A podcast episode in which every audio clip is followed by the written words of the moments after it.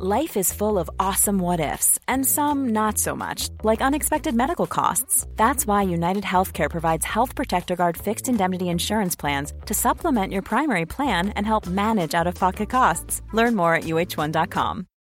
Since 2013, Bombas has donated over 100 million socks, underwear, and t shirts to those facing homelessness.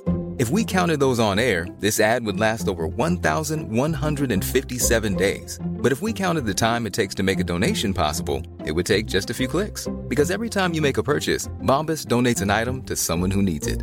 Go to bombas.com slash ACAST and use code ACAST for 20% off your first purchase. That's bombas.com slash ACAST, code ACAST.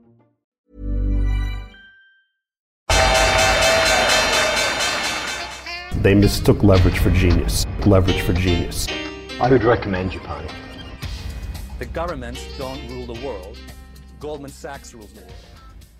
Velkommen til podkasten 'Tid er penger', en podkast med Peter Warren. Jeg heter Sverre og produsent, trykker på start- og stopp-knappen, og eh, deltar av og til litt i diskusjonen. I dag så eh, skal vi snakke om fem tema, eh, i tillegg til at vi har et, uh, en litt ny ting vi prøver på i dag. Så uh, det blir markedet, et, et veldig langt innslag om Peters sitt syn på framtida fordelt i forskjellige ting. Snakke litt om kraftfinans. Tre bokstaver som du kanskje burde lære deg, som er SRF. Og så litt avslutningsvis om fondsresultater.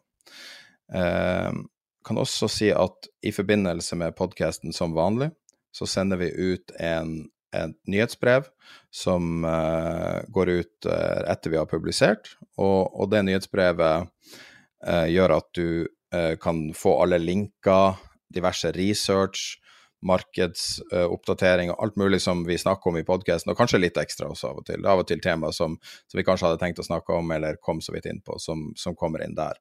Så det er, kan du abonnere på. Der går du på, Det er gratis nyhetsbrev, og det er på tiderpenger.no nyhetsbrev. Eh, kan du også klikke en link hvis du vil lese de gamle for å se. Og um, ellers så har vi også eh, nylig introdusert en Patrion som um, du finner på www.tiderpenger.no patreon.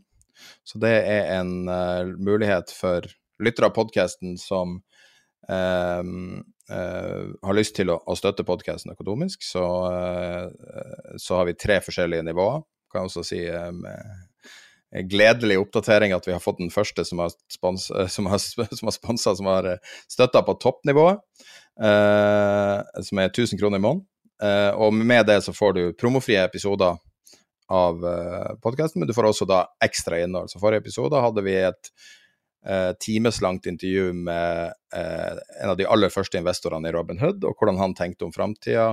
Det er litt interessant å høre hvordan noen har fått 800 000 dollar til å bli en milliard dollar på noen år. utenom det så, så kan vi kommer til å lage mer og mer innhold som, som kommer bare til å ligge der. Så, og vi kommer til å ha mer ting. Det er ingen løfter, men, men det kommer nå flere ting der. Ellers så har vi en rekke tjenester på hjemmesida, hvis du går på tidepenger.no, så er det en rekke ting å se der. Vi har bl.a. en live nyhetstjeneste. Eh, vi har eh, eh, Må ta, ta opp her.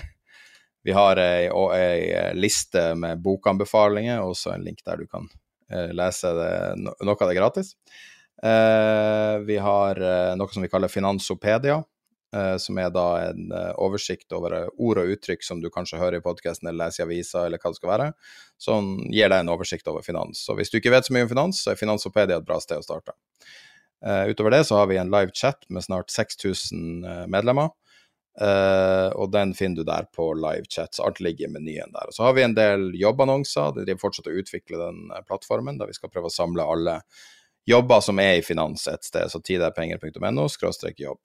Uh, utover det så skal vi starte med uh, dagens episode uh, hvert øyeblikk. Kan si litt om Episoden er litt annerledes pga. at vi tester ut et nytt annonseformat.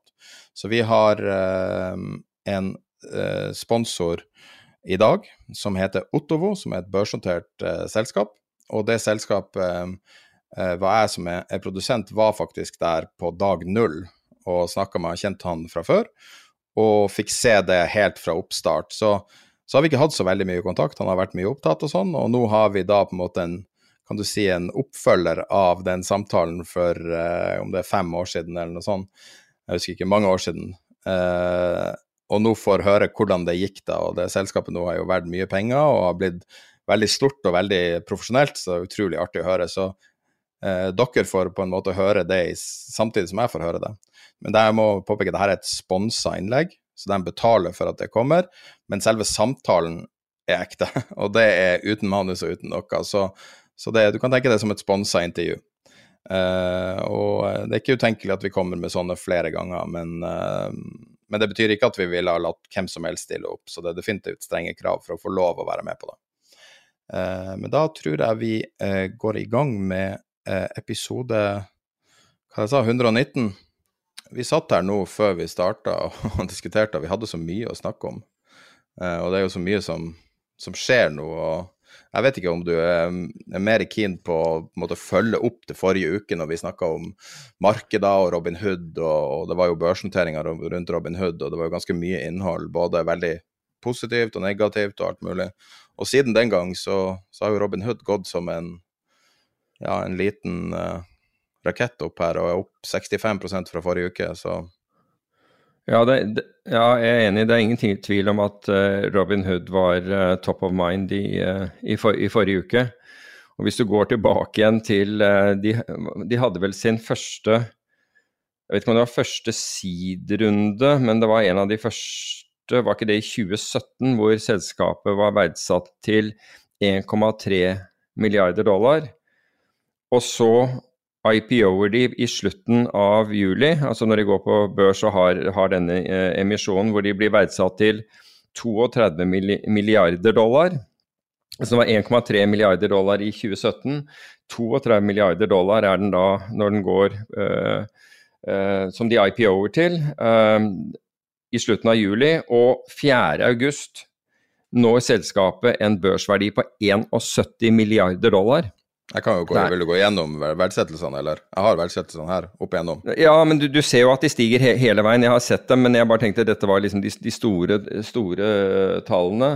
Um, og man, altså, jeg må jo si at uh, du hadde jo en innertier på, på akkurat uh, utviklingen på den. Jeg, jeg, var, og er mer Jeg er ikke skeptisk til, til Robin Hood som, som, konsept, bare så det er sagt. Um, eller som, som meglerhus. Jeg, men jeg frykter at amerikanske, eh, det amerikanske finanstilsynet vil iverksette tiltak som gjør at, at uh, det har stor negativ betydning for, for inntektene til Robinhood, Robin Hood, som bare for å gjenta det for de som ikke har lyttet til forrige og en del av de andre podkastene tidligere. In, 81 av inntektene utgjøres av at de selger ordrene sine til high frequency tradere. Og hvis det da skulle bli forbudt som det er i Storbritannia og som det er i Canada, så forsvinner 81% av inntektene bortimot over natt. Men, men, jeg tror jo egentlig at amerikanske finanstilsynet vil gjøre noe her. Men jeg tviler vel på at de vil gjøre noe så drakonisk som å bare si at det er forbudt fra i dag. Um, og en av årsakene til det er at er at Gary Gensler, som er sjef der, han i eh, Finanstilsynet, han synes å ha, eh, ha, full fokus i øyeblikket på, på, på, krypto, som han kalte vill vest. Men det er klart at når du kaller bitcoin-kursutviklingen vill vest, og så og, og, og, setter deg tilbake og, og, da ser eh, kursutviklingen til Robin Hood, så, så, tror jeg ikke den står noe tilbake, for å si det forsiktig. For den gikk vel gikk den ikke 80% opp på det verste på en dag. Uh, så jeg tror ikke at uh, så, så, akkurat det der er Bill West-uttrykket hans. Men så er det flere andre som har, som har spurt meg at betyr det at jeg ikke er for at man regulerer eh, kryptovaluta. Og, og, nei, det skal ikke tolkes dit hen, men jeg mener, at, jeg mener, absolutt at vi skal regulere kryptovaluta hvis tanken bak den reguleringen er å beskytte investorene. Men jeg mener at men det forutsetter at det er det som er hensikten, ikke at det er proteksjonistiske hensikter. Med andre ord at, uh, at man, man, skal sørge for at ikke banker og andre finansinstitusjoner får, uh, får, konkurranse. Og Det samme gjelder jo for så vidt Robin, Robin Hood også, fordi de har jo gitt mange uh, meglerforetak betydelig konkurranse Um, og det er sikkert mange i Norge så, som bruker Robin Hood også, istedenfor å gå gjennom norske meglerforetak når de skal handle de skal handle amerikanske aksjer eller op opsjoner i USA. Så Du må ha amerikansk adresse for å bruke det. OK. ok. Så, Så- uh, det er ikke så veldig lett. Det finnes enkelte aktører med europeisk lisens som uh, er ganske lik Robin Hood, men det med, som er deres store forter, som er opsjonshandel, det er jo på en måte Du kan jo kalle det litt sånn Amerikas uh, CFD, da. For de har jo ikke CFD-handel i USA. Så, um, uh, så det er jo Nei, men en, en opsjon er heller ikke en CFD, da, så um, Nei, jeg sier jo at det er bare det nærmeste man kommer, eller, eller CFD er Europas opsjoner. Så um, det er vel ikke like lett å gjøre det i Europa heller. Nei, altså Jeg tenker jo det at eh, at de high frequency uh, marketmakerne som Robin Hood selger, eh, selger kundeordrene sine til, det er jo faktisk de, de skarpeste gutta i gaten når det gjelder det type Citadel. De er vel den største. Og det er de, de mest aktive marketmakerne på opsjonsbørsene, på future-børsene, på aksjebørsene i, i USA.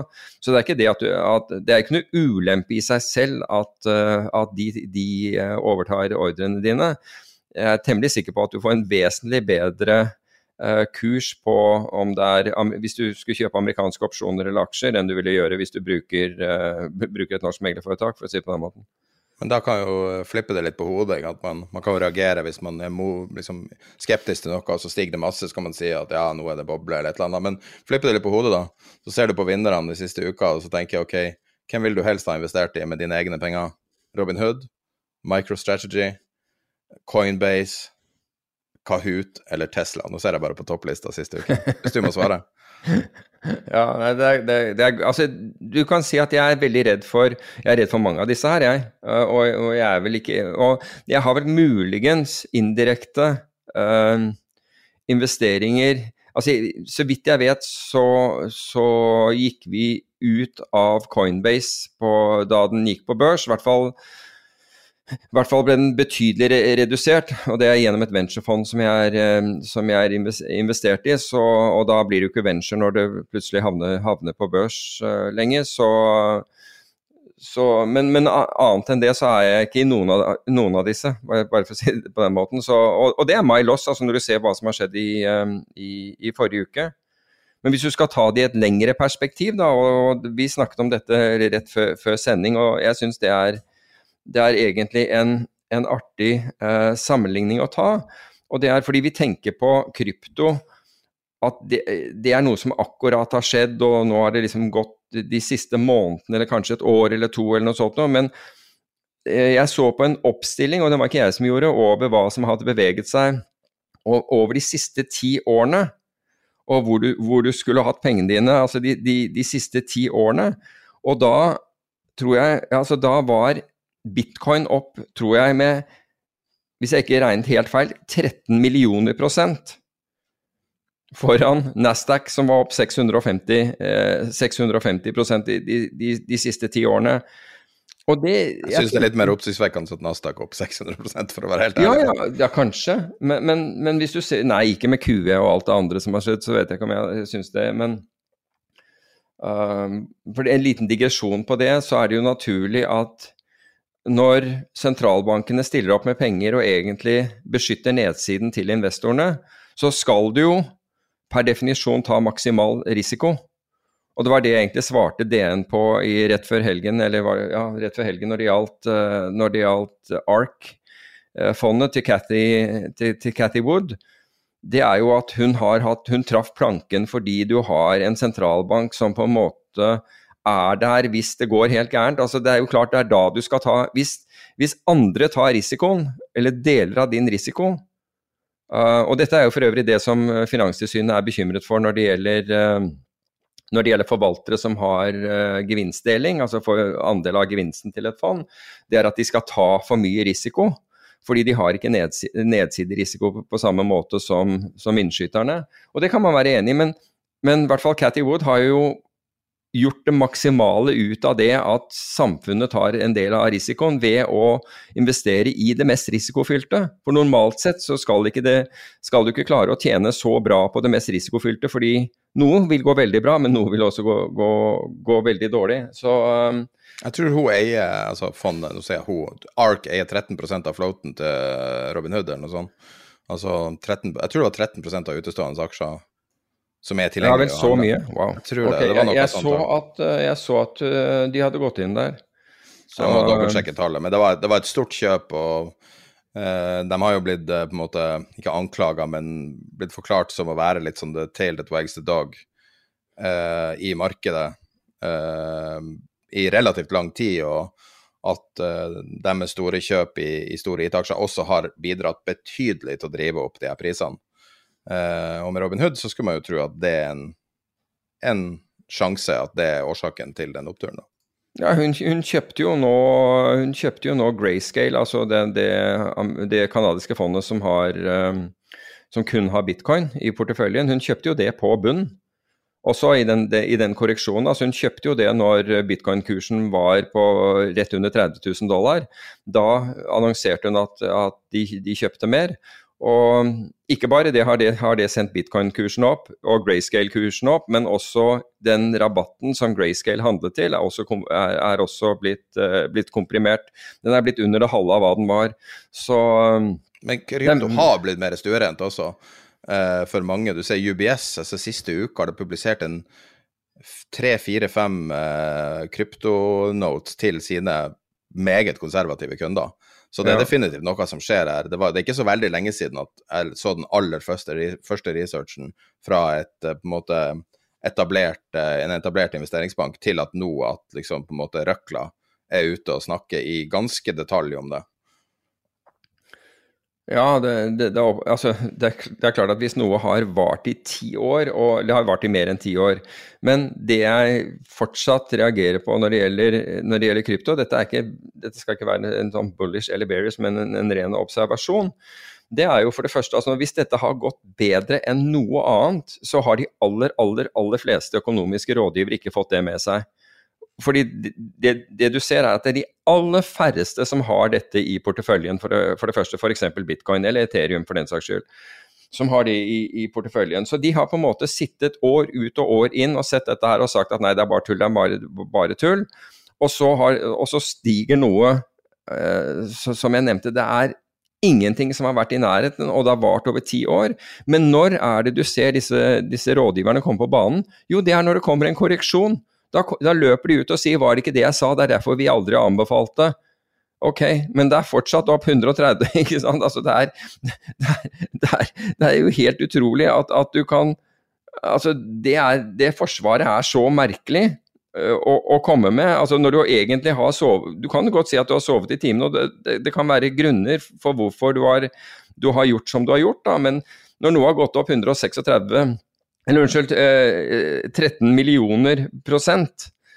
Og, du, du, du, liksom ikke har fått det med deg, og du ser at det er en korreksjon på 20% 30% eller 40% og så går du ut og sier at jeg var smart, gitt. Jeg, og etter, det, etter, den korreksjonen, som, som da, altså, etter at korreksjonen er der, og den er fortsatt opp 13 millioner, 13,6 millioner prosent, og sier at det var, det var som jeg sa, det, ville, det, det, skulle ned. Da er det ganske, er ganske jeg, jeg, må innrømme at jeg klarer ikke å la være å smile av det. Men på den annen side så ser du jo at det er også forvaltningsforetak, og du nevner UBS, og, og flere av de, de, store, Goldman er der, og Morgan Stanley er der, og, og en rekke andre som nå sørger for at de har analytikere med den teknologiske kompetansen, og som forstår, denne, den, og, og som forstår kryptoverden har passet på å, å, å, ansette slike slik at de er de vet hva de snakker om, fordi de tilbyr det til, til, high net worth individuals via sin wealth management også. Og det, og det, har disse foretakene skjønt at de må gjøre, fordi dette er en kraft som antageligvis ikke stopper i morgen, da, for å si det på, på den måten. Men hva, hva, er det som står i all analyse som kommer fra forvaltningshus? Står den samme linja på alle, alle rapportene som kommer ut, eller alle anbefalingene, og det er past performance does not uh, guaranteed future results. Og, og, og, det som er mitt spørsmål til folk som er ultra-bitcoin-bulls, er hva er det du forventer? Forventer du 13 millioner prosent avkastning fra nå? Fordi at selve størrelsen på det her mm, mm. markedet er jo blitt så stort nå at hvor mye kan det egentlig stige? Ifølge, ifølge Cathy Wood, som du nevnte, så, så, har hun et mål på 500 000 dollar når det gjelder bitcoin. Men det er jo bare eh, tenk på et tall, ikke sant. Ja, Fordi at hun vil tidoble. Du, tro, tro meg, jeg ville jo ikke ha tenkt, tenkt på tallet 64 000 dollar heller, eh, at any given time, bare så det er sagt. Men, uh, men så jeg har på ingen måte Jeg påberoper meg ikke å ha, ha rett her i det hele tatt, eller ha sett denne, denne fremtiden. Um, men på den annen side så er det farlig, føler jeg, å å bare uteslukke muligheter som, som eh, Å ut, uteslukke og utelukke muligheter som, som blir gjort, da. Her har du hørt Fordi- begrepet uteslukke. Nei, jeg tror det er eh, Jeg tror jeg fant det på selv. Som predemens fra deg. ja, jeg, ja, jeg tror det var talefneil. Men eh, men det der, jeg tror det er veldig farlig å utelukke, altså uten, og det skal man jo ikke gjøre. altså Hvis du skal være analytisk, så kan det være at du sier at det her har jeg ikke noe tro på, eller dette syns jeg er dumt, men, men som regel så Du bør gå et hakk lenger og si at ok, hva hvis jeg ser på det med andre øyne, har det, kan det ha noen verdi? Og i tilfelle, hva er den verdien? Og, men vi er litt sånn binære, og vi bruker altfor mye historien til å, til å predikere fremtiden. Jo, men herregud, altså. Jeg, jeg, regelmessig så går jeg og leser uh, uh, enten gamle artikler eller bøker eller et eller annet om Jesse Livermore. Kanskje mm. historiens beste trader. Og så sitter du og, og les hva det er han holdt på med for 100 år siden. Historiens beste trader, trader som skjøt seg selv på, på et herretoalett i en- på en bar. Men for å være helt ærlig, så er det jo faktisk utfallet til mange i finans tragisk nok. Og han, på en måte, han døde jo litt som han levde, liksom i um, høyrisikosonen, og han konka vel en tre-fire-fem ganger. Men når du ser hans oppstart, og han sitter i de bucketshoppene, og, og, og hvordan han tenker, og hvordan han jobber og så, altså, Utfordringen er kanskje litt annerledes, men litt sånn som Sherlock Holmes, så er det bare sånn Det her føles helt moderne. Hvis du har tatt bort et par begreper eh, ei pipe eller et eller annet, så plutselig så er det her Han sitter på Robin Hood og, og, eh, og driver og stormer inn i enkeltaksjer, og, og han er bare Altså, han er akkurat like moderne som et moderne menneske i dag. Så at når det kommer til finans, som en av de få plassene der du virkelig, virkelig ser hvordan, eh, hvordan altså fortida eh, ekkoer gjennom eh, hver eneste periode. Altså, vår logo er jo basert på det. Basert på Jo, den, men det, eh, nå, nå snakker du om den men menneskelige at naturen, ikke nødvendigvis, nat ikke nødvendigvis naturen, men den menneskelige natur. Jeg mener at menneskenaturen er markeder. Ja, eh, det er en stor del av markedet, men du ser jo, ja, og det er jeg helt enig i, altså den grådighet og frykt, eh, det er vel så nedfelt i oss at det er vanskelig å, å endre. Kan jeg, ta Eh, kan jeg ta et eksempel, da? Hvis du sitter på Finn, og du legger ut en eller annen ting for salg, la oss si et par joggesko eller et eller annet tilfeldig, og så priser du det lavt, eller la oss si at du priser det gratis, lavt og høyt. Det er helt utrolig. Du kan nesten stille klokka di etter den type mennesken du tiltrekker deg. type menneske du tiltrekker deg. Hvis du priser noe høyt, så har du få eh, folk som er interessert i det, men du opplever liksom ganske høy eh, kvalitet på kundene, for å si det sånn. Nå har jeg drevet business og hatt tusenvis og tusenvis og tusenvis av kunder, og vet at det her er sånn det er. Hvis du priser ting lavt, så tiltrekker det ekstremt lavkvalitetskunder som pruter, og som gjør livet vanskelig for deg. Og hvis du gir noe bra, gratis, så er det helt sånn, det er free for, det er helt galskap. Og altså, du kan stille klokka di til noen deler av menneskelig oppførsel. Folk oppfører seg likt i forskjellige land på, på litt sånn, fordi at man er jo tross alt bare mennesker. Mm. Så jeg føler at, eh, at man kan si at det vi ser nå, er helt psycho frothy, og ARK, bitcoin, om det er Robin Hood, om det er hva enn det er, at det her, det er ikke naturlig, det vi ser nå. Og det må konvergeres, for verden er sånn. Jo, altså jeg vil ikke gi deg Altså jeg vil jo ikke skyte ned det resonnementet. Men det har vi jo ment altså det har vi for så vidt ment i ti år, så lenge sentralbankene har støttet opp om, om finansmarkedene og ikke tillatt den markedsmekanismen å virke. Så har vi jo drevet med det. Og dette, jo, og dette kan være en konsekvens av det. Det er jo en konsekvens av, av bitcoin, for det kom jo som, eh, i, i kjølvannet av, eh, av finanskrisen. Og så kan du si om, om de da klarer å utvikle en utility ut av det, som Ethereum har gjort med en mer avansert blockchain, og som Polkadot har gjort med en enda mer avansert blockchain osv. Um, slik at det kommer noe ut av det. Men jeg er helt enig Altså, the frothiness er vi jo helt enig i. Men hadde du spurt meg ett år tilbake, så hadde, vært, så hadde jeg sagt det samme da. Og The Frothiness har jo bare fortsatt, fordi man har jo fortsatt med de samme tiltakene. Man fortsetter, USA har fortsatt med 120 milliarder dollar kjøp av verdipapirer hver eneste måned. Um, og andre land gjør det samme, og vi fortsetter å, å trykke penger. Men apropos i den, fordi det er, det er, så mange som spør om dette, og jeg har forsøkt å forklare det tidligere, men jeg har antageligvis ikke forklart det godt nok siden spørsmålet kommer opp om og om igjen. Og de sier at hvordan kan det være, ha seg, at hvis man øker pengemengden som man gjør med å trykke mer og mer penger uten å ha tilsvarende verdiskapning, hvorfor faller ikke da verdien av valutaen tilsvarende? Og et av svarene på det, som jeg i hvert fall gitt tidligere, er jo at andre land gjør det samme, og valuta er et relativt spill. ikke sant? Altså Når vi handler dollar, så, så, så kjøper vi kanskje dollar med euro, eller vi kjøper den med yen, eller hva som helst. Og både eh, EU altså, altså, alle disse hovedlandene, da, hovedvalutaene, trykker jo tilsvarende penger. Men, eh, men spørsmålet kommer om og om, om, igjen, så Men svaret mitt er Altså, det, det bedre svaret fordi jeg tenkte på det, jeg fikk det, fikk det på nytt igjen her uh, i slutten av forrige uke. Uh, av, uh, av, en, og hun, hun, hadde, hun har studert økonomi og, og, og, kunne ikke forstå den, denne sammenhengen og ville ha en forklaring på det. Og, så hvorfor faller ikke verdien av penger? Og svaret er at verdien av penger har falt dramatisk. Verdien av pengene dine av kontantene dine har faktisk falt dramatisk. Det er bare Du har ikke sett det i det riktige perspektiv. For hvor, hvordan kan jeg si at pengene dine har falt, Nei, når ikke f.eks. dollar har falt mot euro eller noe sånt noe? Det koster vesentlig mer å kjøpe deg bolig. Det koster vesentlig mer å kjøpe aksjer. Altså aktiva-verdiene er, er speilvendt av penger. Slik at når du ser aksjekurser går, går, til himmels, boligverdier går til himmels, og en hel rekke andre ting raser til himmels, og for så vidt råvarepriser, så blir pengene dine er, så er det det samme som at pengene dine blir mindre verdt. Fordi du nå må bruke mer penger for å kjøpe akkurat de samme aktivaene i forhold til hva du måtte. Så hvis du bare tenker på det i det perspektivet, så, så blir det ganske opplagt at pengeverdien har falt som følge av den, denne trykkingen. Du må bare se det i perspektivet, altså kjøpekraft.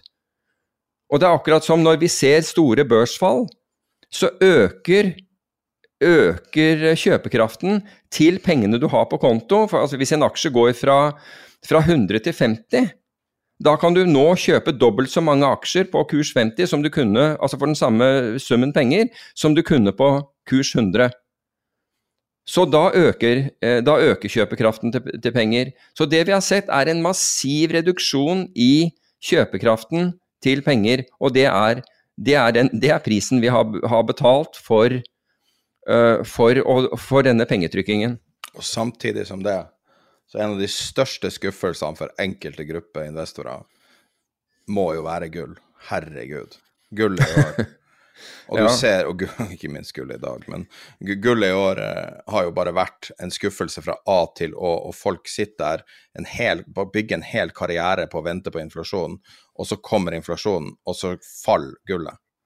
Men altså, hvis du ser historisk på gull, så har ikke gull vært en god hedge til inflasjon idet inflasjonen har kommet. Altså Hvis du går tilbake i tid, da har faktisk gull falt eh, samtidig som du har sett inflasjonen eller stått stille, og så har gull begynt å stige i etterkant av det. Så det, det er liksom myter rundt dette med gull. Og mange vil ha gull fordi, fordi det glitrer og det, og det, føles fast, og det er en bestemt mengde av det, eller i hvert fall ikke helt bestemt mengde, fordi de utvinnes jo fortsatt, men i, i, i stadig mindre grad. men men ja, jeg er helt enig med deg. Altså, og nordmenn er jo mer på sølv av en eller annen grunn. Men man må undersøke igjen om premissene for det man sier eller det man tror på, virkelig stemmer. Er det slik? Og hvis det ikke er slik, så har, du på en måte Da har du bomma på hoppet i utgangspunktet. Ja, du tenker Men, på altså, gull sin absolutte verdi. Du, ja. altså, du kan jo si at gull er jo på en måte ingenting på samme måte som at bitcoin er ingenting. Men det går ikke an å argumentere med noe som har resonnert gjennom årtusener. Det går bare ikke an. Noe må det jo være med gullet. Ja, no, noe er det med gullet, og, Og det er jo det at du kan kan selvfølgelig smelte det, og så blir det bare til en liten Ja, og, og eh, ren ja, og gull- gullbit. Altså, det er noe vakkert med det. Ja, for all del. Og, og gull um, Nå holder gull i Altså, du, du får noe for gull i Norge, og du får noe for gull i, i, eh, i Sierra Leone. Ikke så rart, for der er utvinnelse faktisk gull, men, men du får noe for gull overalt i verden. Mens hvis du kommer med de norske kronene midt inn i, i mørkeste Afrika, så, tror jeg, så er det ikke Med en seddel så, er, så, så rates ikke den høyt, for å si det på den måten. Men dollar gjør det. Dollar gjør det. Dollar gjør det fortsatt. Så dollar er definitivt den, den valutaen det er lettest å, å, å kunne betale eh, med hvis du er ute. Men altså, det, det sier man jo om diamanter også, men der er det jo så altså, De aller fleste vil ikke kunne se forskjell på om det er glass de får i hendene eller diamanter, med mindre de har en 20 ganger lupe og, og kan noe om dette, Ja. vil jeg tro. Det er en grunn Um, til at det ikke finnes, Det finnes vel én diamant-ETF, tror jeg, men det er en grunn til at diamant ikke er en råvare som trades. Det er egentlig ikke verdt så mye. Nei, det er, det er mulig, men, eh, men, men poenget er at jeg, jeg stadig opplever det, det, det at folk blir, som du nevner nå, da, blir skuffet over gull. Ja. Og, og nåde de, eh, de som hadde gull med en tett stopplås i dag morges, for den falt nesten 4,5 på, på noen minutter. Kan du, Eh, vet du hva som skjedde? Ja, det var rett og slett en flashcrash, og så har jeg sett mediene prøve å komme opp med forklaringer på det i ettertid, men det er bare tull. ikke sant? Det er at uh, man, man fryktet amerikansk pengetrykking, ja. Hva, hva betød det? At noen sto opp klokka tre i natt og plutselig Klokka fikk to på Norge natta i Norge, Ja, plutselig. ja. Nå, nå frykter jeg det virkelig, så nå skal jeg virkelig selge unna. Men det, det er jo noe helt altså, Men det går tilbake igjen til Altså, gull faller I løpet av en 15-minutterperiode så faller gull 78,5 dollar. Det er en enorm et enormt fall for gull. altså 4,5% på kort tid er en enormt fall for, for eh, på minutter. er et enormt fall, fall for gull. Men det går tilbake igjen til markedsstruktur. Og det at vi ikke har reell marketmaking, og, og særlig på det, det, tidspunktet av døgnet, så er det altså Selv i valutamarkedet må man være veldig forsiktig på den, den tiden av, døgnet. Det vet alle som har vært i valutamarkedet over, over, over noen år. Og det som skjer, er at de som stiller som marketmakere, de stort sett baserer prisene sine på andre marketmakere eller på å lese ordreboken. Og når plutselig dette begynner å, å bevege seg, så har de anledning til å slå av maskinene sine. Og da trekker de seg bare rett og slett ut. altså sånn, De har en autoswitch på, på den at hvis bevegelsen er større enn X, så trekker jeg alle prisene mine, og da får du eh, denne type bevegelser, akkurat som vi gjorde med, med sveitserfrangen da i, i 2015, som vi har vært inne på mange ganger. Men det er den samme strukturen, nemlig at, at de som skal være der og stille priser, trekker seg. Det var ca. 24 000 kontrakter verdt omtrent 4 milliarder dollar som forårsaker. Ja. Er det mye i gullmarkedet? Nei, altså markedet tåler jo Jeg vet ikke hva, hva gullmarkedet handler per dag, men mye, mye mer enn det. Og det er klart at hvis du Jeg vet ikke om det er en fat finger eller hva, men hvis du Ja, tenk prøver tenkte på det der. Det her i føler et faktisk litt tynt- som en fat finger. Det er lenge siden Ja, jeg i har et hørt fat finger tynt være marked. Ja, altså Hvis du har en stopplås som er på 20 000 kontrakter i et, et Eller 10 000 for den saks skyld, det er vanvittig mye i et tynt marked. Så Som mange har, ikke sant. Fordi stopplåsene deres går, går, går 24 timer, ikke sant. GTC, altså good to cancelled. Og noen lukter at det finnes noe i markedet, eller at noen vet at det finnes en sånn ordre i markedet. Da kan du nesten regne med at den blir utnyttet. Og gull har jo krabbet pent og rolig oppover igjen siden det, da. Så, så jeg, jeg så, er jo kommet tilbake Altså, den var vel nede i 1677 eller noe sånt nå på, på, på natten, og jeg så den i hvert fall i 1750 igjen uh, for ikke så lenge siden. Akkurat hva den er i øyeblikket, vet jeg ikke, for jeg, har ikke skjermen foran meg. 1746. Den var ned i uh, 6, skal vi se her 1680 på min skjerm. 77, stemmer. Nei, 16, jeg tror eh, 1677 uh, i hvert fall var, var lowen der. I hvert fall i future-markedet. Det er desember-futuren som handles i øyeblikket. Det er den som, altså Du har jo en august-kontrakt også, men den er ikke spesielt likvid. Det er, uh, det er desember-kontrakten som handles. Uh, som, som, er, som man kaller altså man kaller spot, da, selv om den forfaller i september. Det er jo selvfølgelig ikke spot, men det er den future-kontrakten som, uh, som er mest handlet. Var det 1676-20 du sa? Det er laven, laveste treden i år. Ja, ok. 1677 så jeg, men da jeg så ikke Det er for øvrig handlet 163 000 gullkontrakter hittil i, i, i dag. I, den, i, desemberkontrakten. Ja, men det blinger litt, eh, litt, eh, litt sånn uh, action inn i gullmarkedet. Jeg vedder på at det her nesten er nett positivt for gull. Jeg vet ikke om det er, om det er, det er positivt. Altså, det var akkurat som når JP Morgan herjet som verst der, så trakk jo mange seg fra å handle gull, rett og slett fordi eh, På måten de opererte, med å liksom slå kursen ned voldsomt. ikke sant? Altså, Den kunne falle 20 dollar på, på null tid. Uh, uten noe som helst uh, årsak annet enn at de eksekverte noen sånn high frequency-strategier. Uh, de, de, de måtte jo betale tett oppunder en milliard dollar i bot da, for, den, eh, for, for, sin aktivitet i det markedet. Så det, dette ja. er ikke som, en påstand som er uten, uh, uten bevis, for å si det på den måten. Ja, da er vi klar for noe litt nytt.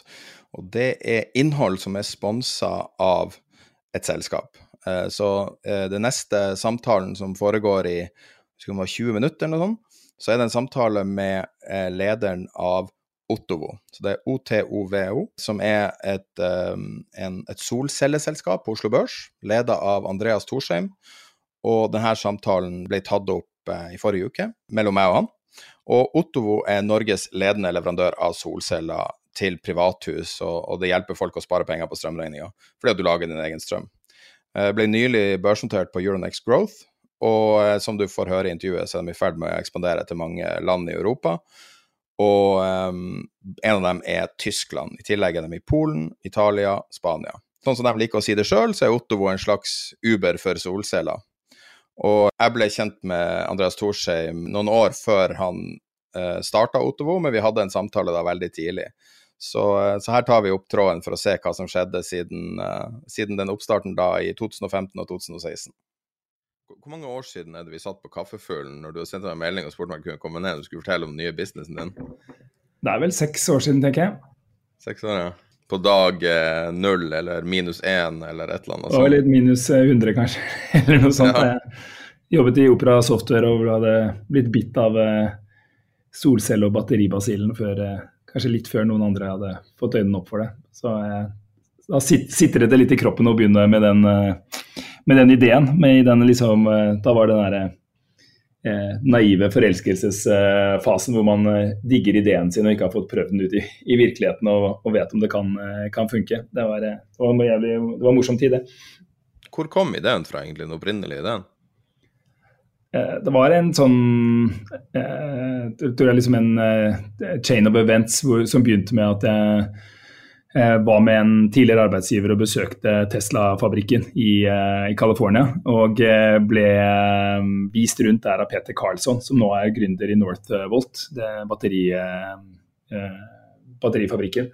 Og det var, det, er, det, det, var en sånn katedral for fornybar teknologi, den, den fabrikken. Så hadde masse Tesla modell, X, nei, modell S som kom ut på på samlebåndet, og jeg tenkte dette her er fett, da. se på de bilene. Dette her er kult, dette må jeg lære meg mer om. Og så begynte, liksom, begynte jeg å lese om batteriteknologi og om solceller, og én ting ledet til den andre. Og så um, ja, måtte ble bitt av basillen, gikk veldig i dybden på det. Og så uh, en dag når jeg satt og så på kostnadskurven til, uh, til solceller, så så jeg at um, uh, ok, hardwaren kommer til å bli så billig at solceller kommer til å vinne på pris overalt hele tiden, stort sett. Og hva betyr det?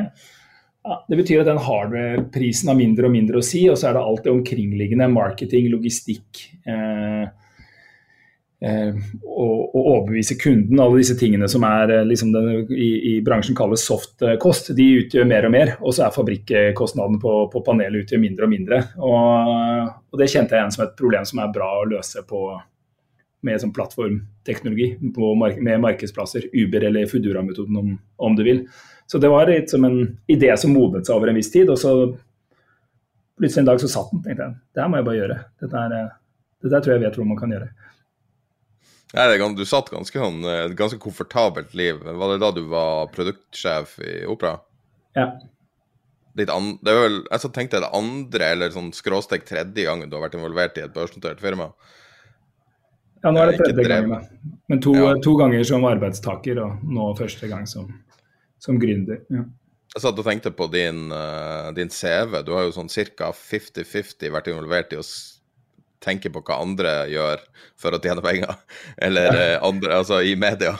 Og resten har du vært i flere posisjoner der du kanskje har blitt skrevet om uh, sjøl. Uh, men hvordan syns du det er annerledes uh, liksom, Hvordan er det annerledes enn man tror fra utsida, da, å drive et børsnotert firma? Um, jeg vet ikke om børsnoteringen har så utrolig mye å si. Jeg, jeg, tror ikke det bør ha så mye å si for, for ledelsen i et uh, firma. Um, det det selskaper som lykkes, handler om flinke folk som står opp om morgenen og gir gass, gjør så godt de kan og, og bruker tiden sin på de riktige tingene over, over tid. Um, så, så, jeg tror ikke det har så mye å si om det er børsnotert eller ikke. Men det som jeg tror eh, er en forskjell på å, å grunde noe og det å, å, å, være med på noe som fungerer allerede, er hvor jævlig hardt det er å, dra tingen opp fra null. Den, det er, en, det er en veldig bra tittel på den boken til Peter Thiel, eh, 'Zero to One', som er liksom en sånn gründerbibel.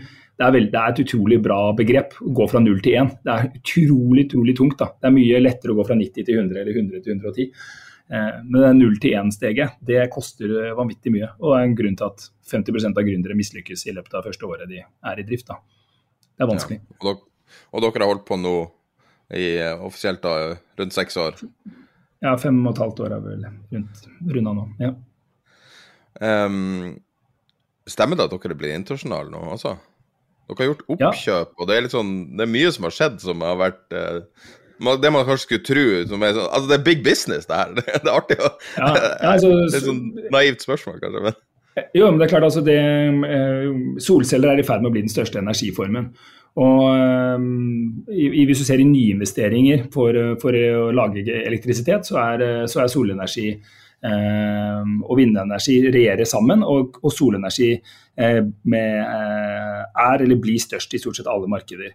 Uh, og så er solenergi delt opp i en skal vi si, solcellepark-kategori, som Scatec og Statkraft driver med. Og så er det solceller på tak, som er Eh, som i måte Olsen Elektro og, og små eh, håndverkerbedrifter, og, og, en del strømselskaper også eh, driver med. og Vi konkurrerer i den sektoren der. Solceller på, på hustak og låvetak og andre bygninger som allerede finnes. Og det er en svær kategori. Det er, eh, det er titalls milliarder euro i omsetning i den kategorien i år i, i, Europa, og vi er med å konkurrere om den. Så vi er til stede i seks land nå. Norge, Sverige, Spania, Frankrike, eh, Polen og Italia. Og så er vi på vei inn i noen nye eh, land som blir offentliggjort denne sommeren her. Og det, eh, da tenker jeg vi er av de, en av veldig få aktører som er til stede og, og konkurrerer om disse markedsandelene i, i, flere europeiske markeder. Det er jo helt crazy, da. Jeg, visste ikke at det var, altså jeg visste at du hadde ekspandert mye, men man vet jo aldri hele, hele storyen. Så det er jo helt utrolig hva du kan få til på så kort tid.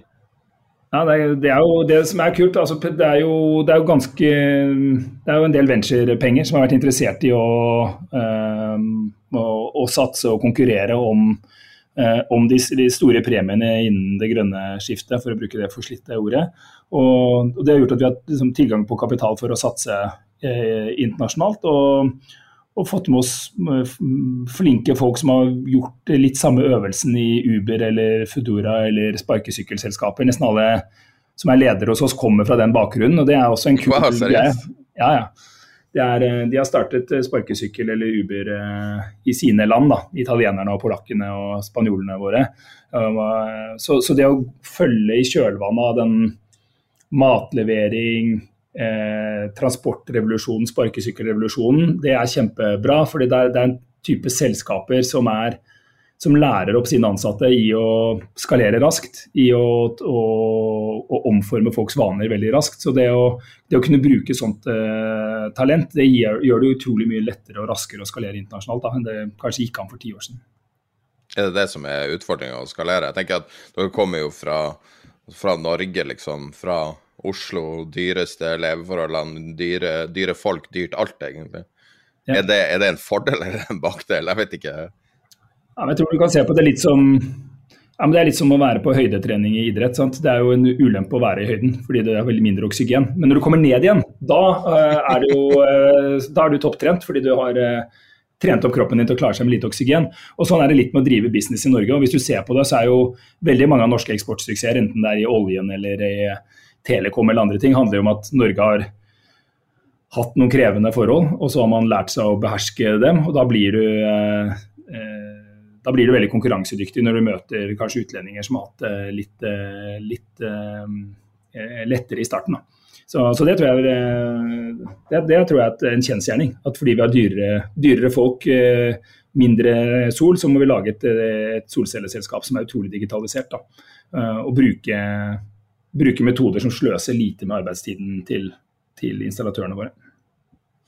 Så det er det som på en måte Altså er, er pitchen på en måte at, uh, at du, du, har en På hjemmesida du signer inn adressen din eller telefonnummeret, og så og så er det relativt automatisk. Er det det som er på en måte Når du snakker sammenligner med Uber og, og diverse, så er det jo det at det er så enkelt. ikke sant? Er det det ja, for kunden så skal det, det vi sier at ja, det er akkurat det som er produktet. For kunden så er poenget at det skal være den enkleste måten å få solceller eh, på taket. Om du skal gå på en, på en nettbutikk, otovo.no eller .se eller hvor du måtte være, og få, få, svar på de spørsmålene du har om solenergi, sånn at du i løpet av minutter kan kan sjekke ut av den nettbutikken med, med, et solcelleprosjekt under armen, på samme måte som du ville kjøpt et par sko eller en, en skjorte.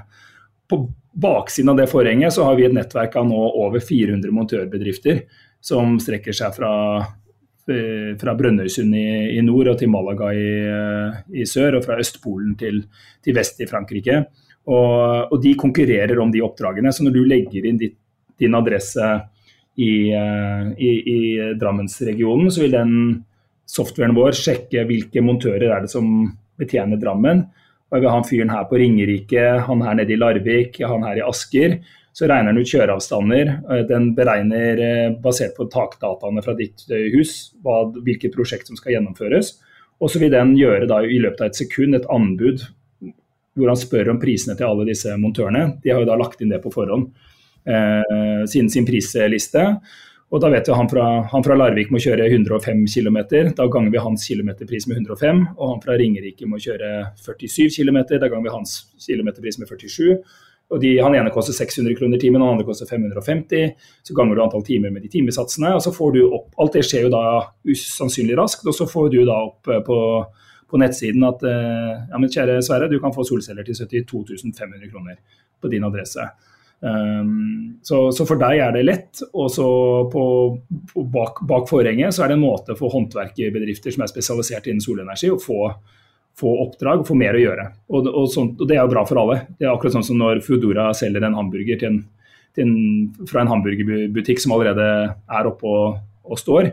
Da får de litt høyere utnyttelsesgrad på, på kostnadene sine. og det, det, Da kan du selge den burgeren med ganske bra margin, fordi den er på den er på marginen. da.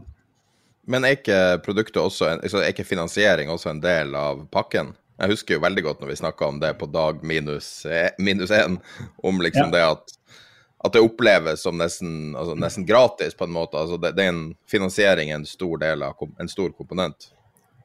Ja, det er jo kjempeviktig. og Hvis man ser på de amerikanske solenergiselskapene, så er alle sammen bygd på at de eh, eier anlegget, og du kjøper bare strømmen fra, fra anlegget. Du abonnerer på, en måte på, det, på det anlegget. Og, eh, og, det er klart det løser et av de store problemene som eller en av de store barrierene for at du får solceller på taket, nemlig at det er alle har de 70 000 eller 100 000 kronene liggende eh, rundt som gjør at jeg kommer i gang med å få seg solceller på taket. Den barrieren blir jo borte hvis, eh, hvis, vi kan ha anlegget på vår balanse og heller ha en, eh, en månedlig betaling fra, eh, fra, fra kunden. Da, da, har vi bygd dette sånn at kunden betaler en månedlig eh, leie på anlegget, og så er anlegget på vår eh, balanse. Så bygger vi etter hvert en, en svær balanse med tusenvis av solcelle, små solcelleanlegg rundt omkring i Europa. Så du driver en slags uh, skyggebank nesten med det? Eller har du bank, uh, altså har du bankpartnere? Altså? Nei, dette er operasjonell leasing, så, um, så det, det, er ikke, det er ikke, ikke konsesjonsbelagt. Det er en uh, sånn operasjonell leasingvirksomhet.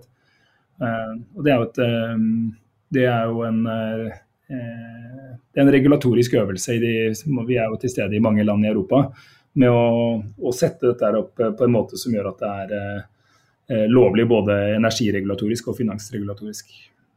Hvis du da ser seks år framover fra nå, da. Hvordan ser, jeg, hvordan ser solcellemarkedet generelt ut, og hvordan ser solceller ut? Er det, er det, noen ting som kommer som ligger i gjerdet nå? Og hvordan, altså, hvordan, jobber dere da? Ja, altså, jeg, jeg, tror vi på det tidspunktet gjør titusenvis av uh, solcelleinstallasjoner uh, i, i, Europa. Og jeg håper at vi er med det nummer én i Europa på, på dette feltet. Uh, og at vi er den ledende tilbyderen av den eh, ca. den tredjedelen av elektrisitetsbehovet til folk som vil bli løst på stedet. Så det, I, I, dag så kjøper vi all strømmen vår fra sentrale kraftverk, og så flyttes strømmen med store kraftlinjer fra vannkraftverk eller gasskraftverk eh, som ligger på, på, på ett sted, og så skyver de strømmen ut til der hvor folk bor. I fremtiden tror jeg en tredjedel av strømmen kommer til å være lagd og lagret på, på stedet ved at du har eh, hovedsakelig solceller på taket og batterier i form av en bil eller et, eh, et batteri på veggen som lagrer den strømmen du, du lager. Eh, og Det er den, den tredjedelen der av strømmarkedet som vi, eh, vi konkurrerer om i det tiåret som kommer nå. Teknologien, da, er det noe som ligger rundt hjørnet? Jeg tenker Du har jo den uh, batterirevolusjonen som hele tida ligger på andre sida av uh, gjerdet, som, som, er sånn uh, solid state. Finns, vil det påvirke dere, og finnes det noe eh, solcelleteknologi som er på vei å komme inn? Solcellene blir uh, ca. 10 kraftigere hvert år. Sant? Så de blir kraftigere og billigere. Så det, det, driver ned, det driver jo ned prisen på solkraften. Og det gjør at du med måte, færre paneler kan dekke mer av energiforbruket ditt i huset. Det har gått av seg selv siden slutten av 70-tallet, og, og, vi bare kalkulerer inn det alltid. At eh, ja, panelene blir 10% billigere og 10% bedre. Eh, det, det, går av seg selv. og Det viser seg. Det, det, har de gjort alle de seks årene vi holder på. De har gjort det jevnt og trutt eh, som en klokke siden 1977. Eh, så det, det, tror jeg kommer til å fortsette. På batterier skjer mye av det samme, men de har gått for å være helt utilgjengelig dyre. Det er vanskelig å ha et batteri som er i penga, som kan trede energi for forbrukeren lønnsomt. Men det er, den grensen er vi i ferd med å krysse nå i, i, flere land i Europa. Så Bl.a. i Italia nå så selger vi jo rundt en tredjedel av anleggene våre med et batteri. og Det tallet kommer bare til å øke. Ehm, så eh, vi er inne i en vanvittig batterirevolusjon som vi i Norge ser som elbil eh, stadig billigere og stadig flere elbiler på veiene. Ehm, men den teknologiutviklingen og den eh, fabrikasjonsutviklingen som gjør at disse batteriene blir til stede overalt i bilparken, den kommer også husholdningene til nytte. Det kommer til å være så vanvittig mye batterier i, i de neste tiårene. Det er, det er helt forbløffende hvordan det kommer til å endre både strømnettet og husene våre og bilene våre. Um, og akkurat hvilken form og farge disse batteriene vil ta over, over tid, det vet jeg ikke. Men, men, hoveddriveren er at de blir kraftigere og vanvittig mye billigere. Og da begynner det å bli interessant å lagre eh, strøm og trade strøm og, eh, og, og, og, behandle strøm på en annen måte enn å produsere den på et sentralt kraftverk på Vestlandet og flytte den til Østlandet, hvor folkene i Norge bor da. Utrolig interessant. Utrolig spennende. Herregud. Veldig spennende. Men... Det, er, det, er, utrolig kult. Det er liksom en, jeg tenker det her er en av de store eh, en, det er en av de store omveltningene. Sånn som en, en, generasjon opplever kanskje at uh, bilen kommer, et uh, eh, internett kommer, og så er det disse her, batteriene kommer. Jeg tror det er i samme kategori. altså. Hmm. Ja, Det er rett og slett inspirerende å høre på. Det er så artig å se hvordan liksom denne løse samtalen har blitt så vanvittig konkret ting. Hvor mange folk er dere nå? Vi er rett i underkant av 200. Det er helt sjukt. Det er så sjukt. For det er liksom sånn, Man sjekker litt ut og følger ikke med på alle detaljene. og Så har vi jo snakka om det her segmentet, men jeg har bevisst ikke gjort research. Jeg vil høre det fra deg. da. Eh, nei, det er fascinerende. Altså. Så, eh, så, du skal ikke tilbake til media med det første? Lage podkast, kanskje? Nei, det er jo gøy å lage podkast. Ok å høre sin egen stemme og snakke litt med, med gjester. og så Skulle gjerne hadde hatt litt mer tid tilgjengelig. Skulle gjerne vært med på en podkast. Ja, det er jo også det er jo ikke, altså, det er jo ikke tilfeldig at du er her, selv om det her er liksom et uh, Sånn som jeg sa på melding til deg i går, altså samtalen er gratis, men, men det at vi gjorde det her som et sponsa segment, var liksom et forsøk. Men det er ikke noe, vi har ikke snakka med noen andre, liksom. Det var jo også fordi jeg vil snakke med deg om det her da, og høre hvordan det går. ja, det er veldig, veldig, hyggelig å kunne, kunne sjekke inn etter, etter, disse årene. Så kunne det, vært, det kunne jo vært den samtalen Eh, kunne jo vært veldig annerledes. Det var, et, tipp, det var, jo ikke gitt at vi kom til å ende opp der vi gjorde det nå, for seks år siden. Det er mye tilfeldigheter i, sånn, eh, i, i, den reisen som går med på, på å lage en, en ny bedrift. Da. Hvordan type tilfeldigheter er det som, som, har gått din vei, da, føler du? Men det er Noen av de tidlige funding-rundene var helt på håret. Eh, og da var det ikke penger i kassa uka etterpå. Så Hvis ikke de hadde gått inn, så hadde det jo vært pakke sammen og og dra hjem. Det er, det er eh, og det er noen, Vi har gjort noen produktvalg som har vært eh, dyre og dårligere og kostet oss mange millioner og blitt, blitt skrinlagt. Eh, eh, så internt snakker vi både om liksom, hvor mange liv har startupen eh, vår. Noen har to liv og noen har tre liv. Og, og vi har sikkert måttet bruke både fire og, og fem og fortsatt er i, i, i live. Men det skal veldig lite til før, før utfallene blir eh, fra en, liksom en, en miss som du kommer deg ut av, og en miss som uh, setter deg helt ut av spill. Det er, det er, sylsmå marginer. og litt timing og litt, uh, litt flaks. Jeg tror Man skal ikke være altfor sånn selvtilfreds med at det er bare ens egen dyktighet som gjør at man, man lykkes. Det er masse flotte ideer og, og, gode team som ender opp med å få timingen litt imot seg. Eller, ja, det, er så, det, er så, utrolig mye tilfeldigheter. Jeg tror liksom et sånt år med Suezkanalblokkering og koronakrise og det ene og det andre setter folk ja, du, du, du, blir minnet på at det er masse tilfeldigheter der i livet da, som ikke rår over. Eh, og, og eh, ja, Vi har vært, hatt sikkert vår del av både flaks og uflaks opp igjennom. Men eh, det skal så vanvittig lite til før, før utfallene blir eh, ganske annerledes. Ja, men Supert. Uh, jeg må si tusen takk for at du tok deg tida. Jeg regner med at du jobber gjennom hele sommeren og ingen ferie og ingenting. Nå er det jo Jeg skal faktisk på ferie på fredag. Skal jeg, jeg ha en tidagers ferie. Det, ja, så det, det blir litt Man blir jo helt gal hvis man ikke altså, Man må skru av litt. Altså. I, I, fjor var det nesten ikke ferie. Det var, det var utrolig unntakstilstand med koronaen. Så det skal bli OK å få tatt av seg skoene og gå litt barbent i noen dager. Ja. Nei, nei, tusen takk. Det er fantastisk interessant og veldig artig å høre. Eh, også det at hvor, hvor, lite som skal til liksom, for at en suksess ikke blir en suksess. Du, før vi starta i dag, så rett før vi publiserte, så publiserte FN en klimarapport. Eh, som eh, tar et litt annet utgangspunkt, eh, som er da på en måte litt sånn som det vi har snakka om for noen uker siden, der at nå skjer det. Alle, alle som har øyne, ser at nå, nå er det eh, klimarelaterte endringer her. Altså været er her. Det dårlige været og flom og alt mulig. Så publiserte de en mm. rapport som tar litt sånn litt sånn samme utgangspunkt, da, som er eh, hva er status nå? Ikke hva som kommer, ikke, ikke spådommer, men, men, hva er det nå, liksom, og, og, hvordan kommer det her til å bare forverre seg, sånn det som vi ser, da. Eh, og I den forbindelse begynte vi å snakke, så vi brukte ganske lang tid i forkant liksom, om hva vi skulle diskutere i dag, om vi skulle ta det opp i det hele tatt. Og så var Forslaget mitt var at litt interessert i hva du syns om framtida på et par forskjellige uh, tema. Um, vil du ta det nå, eller vil du at vi skal skippe det? Nei, vi, vi, kan, godt, altså, vi kan godt, se på, se på det. Altså, alt er i endring, så det, og sånn er det jo hele tiden. Så jeg brøt ned, jeg prøvde å finne noen, um, noen hovedholdepunkter. da. Så brøt jeg ned på finans, husholdning, jobb, underholdning, helse, privat forbruk og da selvfølgelig klima. Mm. Uh, så vi kan starte med klima, da, som er det mest aktuelle.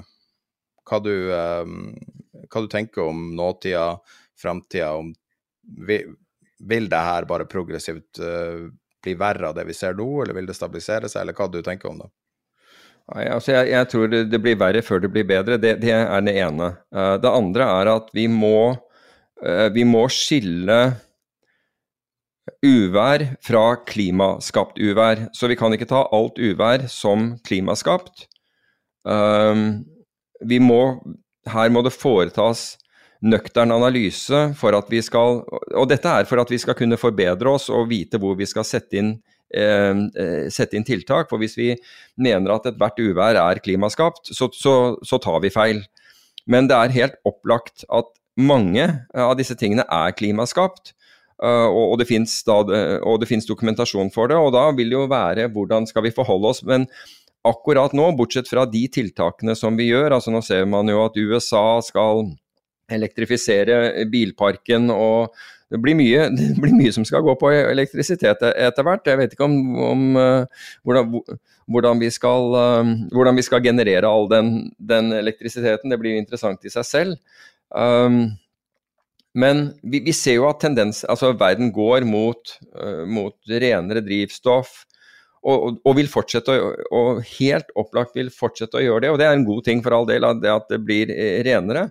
Men i det korte bildet så må vi jo begynne å se på hvordan vi rett og slett skal beskytte oss. altså Når vi ser de flommene, vi ser de brannene, og da tenker jeg skogbranner som herjer i, i Hellas, skogbranner som herjer i, uh, i California, som visstnok ble skapt av uh, en, uh, en, feil eller et eller annet tre som falt over en dårlig vedlikeholdt strømledning. altså Hvis det var årsaken til den vanvittige brannen, så er det jo det er, det er for så vidt ikke klima, men klimaet gjør jo at det er veldig tørt der. Men det det jo vært Det er det jo i, i, uh, generelt i, i California. NRK oppsummerer Men, rapporten med tre veldig korte, enkle punkter. Hetebølgene blir sterkere, regnskyllene mm. vil bli mer intense, organ, orkanene blir kraftigere.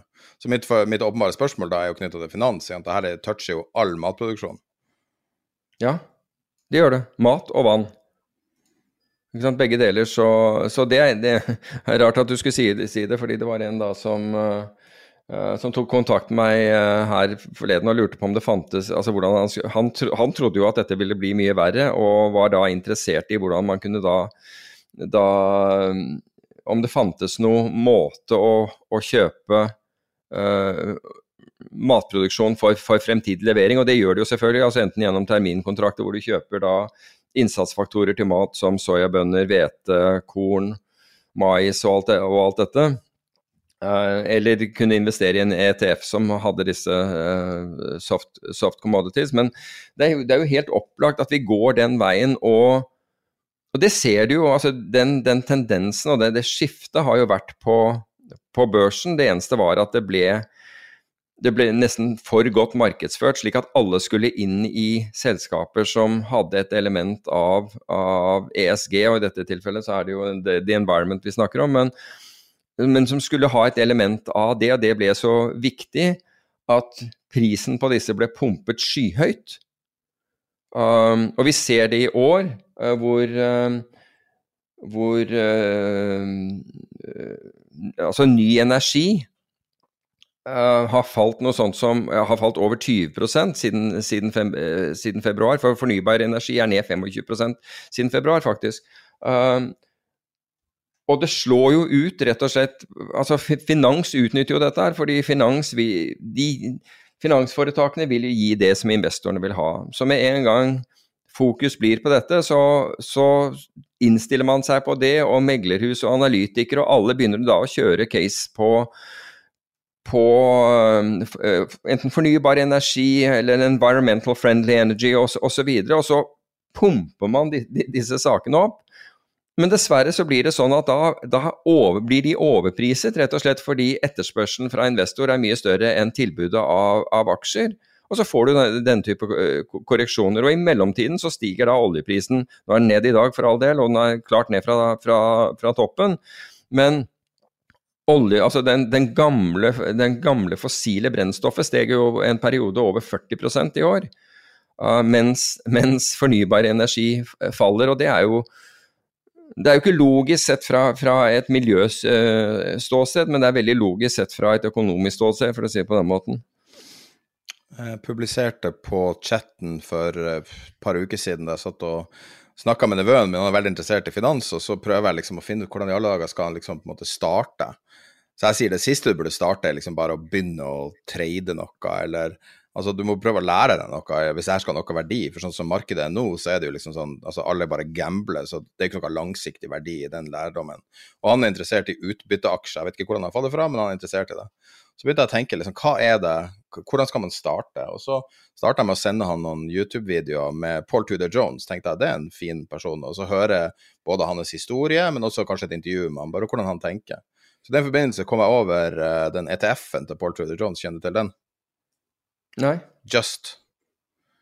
Uh, okay, just. just. som i liksom uh, på en måte Som i det norske foretaket Just? Nei, som i at det er Eh, på, på, eh, Jeg vet ikke hva det er godt oversettelse av just er. altså at det er Rettferdig, er det det? Eller på Rettferdig, ja. Altså ja. hvis det er eh, JUST, ja. ja.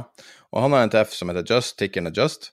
Uh, og jeg liker veldig godt ideen bak det. Han, hans generelle idé var selskaper som gjør bra for samfunnet, generelt gjør det bedre enn markedet. Snitt. Det var hans utgangspunkt. Og han er jo veldig opptatt av uh, Det var en hypotese. Ja. Det er hans, ja. hans tanke, da. Sånn at han satte sammen en ETF av amerikanske selskaper som driver positiv forandring eh, i sosiale tema. Og det inkluderer eh, hva, folk, altså hva de ansatte får betalt, hvordan de har det, hvordan, ansatte, nei, hvordan kunder blir behandla, privat, eh, privatlivet, eh, om produktene deres er bra for samfunnet, miljøhensyn jobbskaping, eh, sterke communities og masse andre faktorer. Så lager de en metric av det, og så scorer de alle selskapene, og så velger de ut um, selskaper basert på det. Uh, og han kaller det, Jeg tror han har en indeks som heter Just 500, altså han velger ut uh, fra mm. uh, Og det skal være de 50 beste selskapene på Russell 1000. Altså dem som scorer over, da, den, over da, snittet, som er på, på, 500, og det blir Just 500, som er da ETF-en. Og den ETF-en er opp eh, 18,66% i år. Og ja. eh, den tar ikke Det er ikke en ESG, altså den er, det er Goldman som driver den.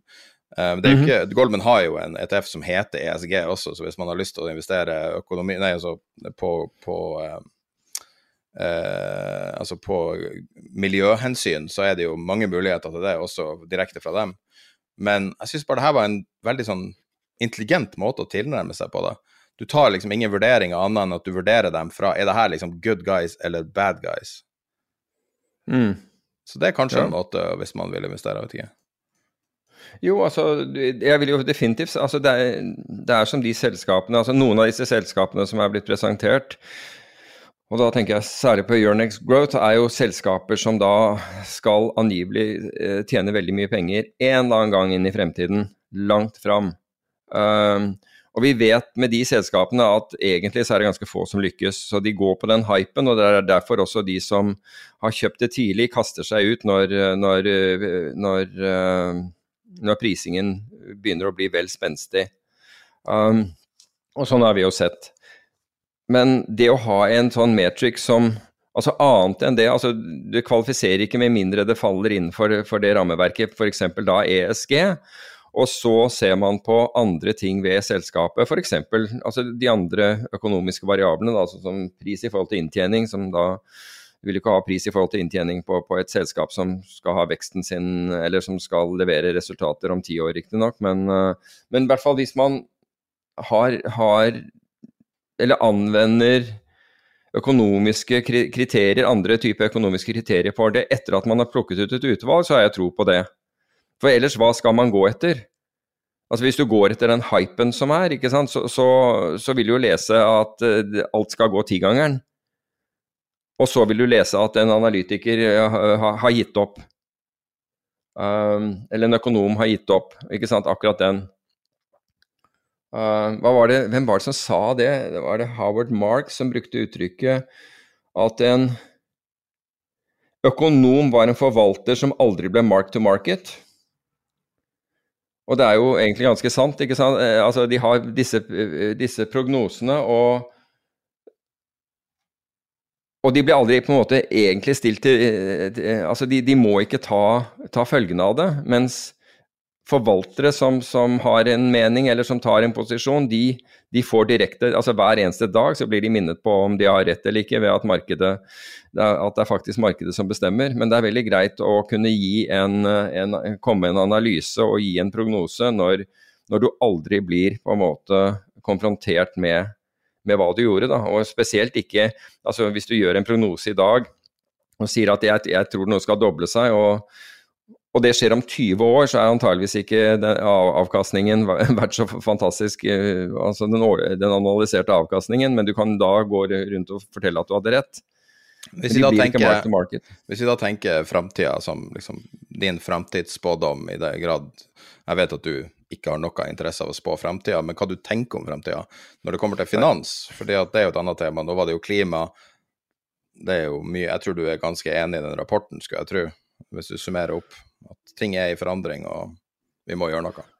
Ja, helt klart er den i, forandring, men jeg har veldig lyst til å Altså når jeg ser sånn som det har skjedd i år, som, som virker overveldende, så så vet jeg at høyst sannsynlig så kommer mye av dette fra, fra, fra klima.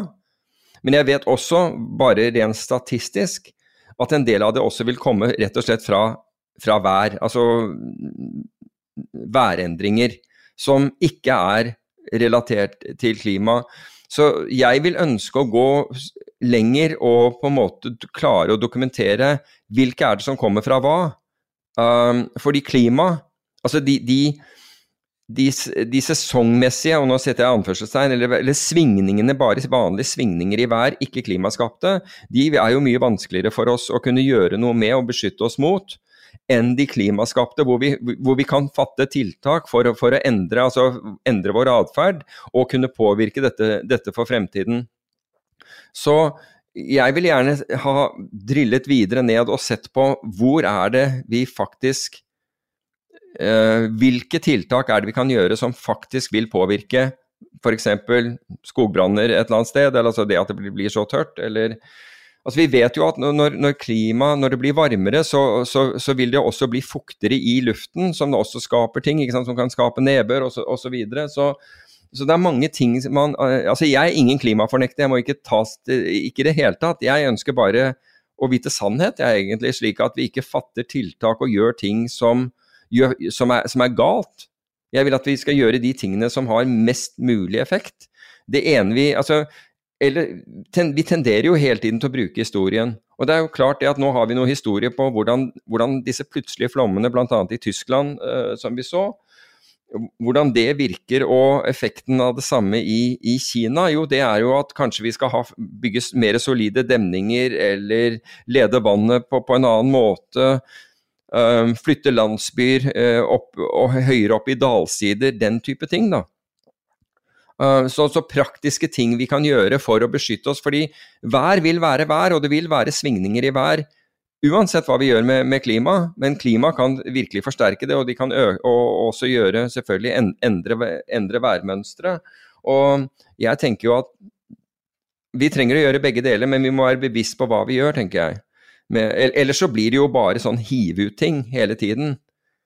Uh, og da, da, blir i hvert fall ikke tiltakene målrettet. Men hva du tror om finans, da? Nå snakka vi jo om på en måte kanskje det som er nåtida i finans, hvis man kan kalle det det, siste uke mye, der vi var mye innom Robin Hood og, og hva de eventuelt gjorde, og hva de eventuelt var. Så man kan, man kan kalle dem nåtida. Men, og fortida kan man si er er ja, Goldman Sachsene i verden. Nå har jo Goldman Sachs tilsynelatende holdt veldig mye med, men la oss kalle DNB fortida, da. Um, mm. Jeg kan ikke huske sist gang DNB gjorde noe på en måte, veldig stort, annet enn å bare fortsette liksom, eh, business as usual og være like brutale som de alltid har vært. Og, sånn.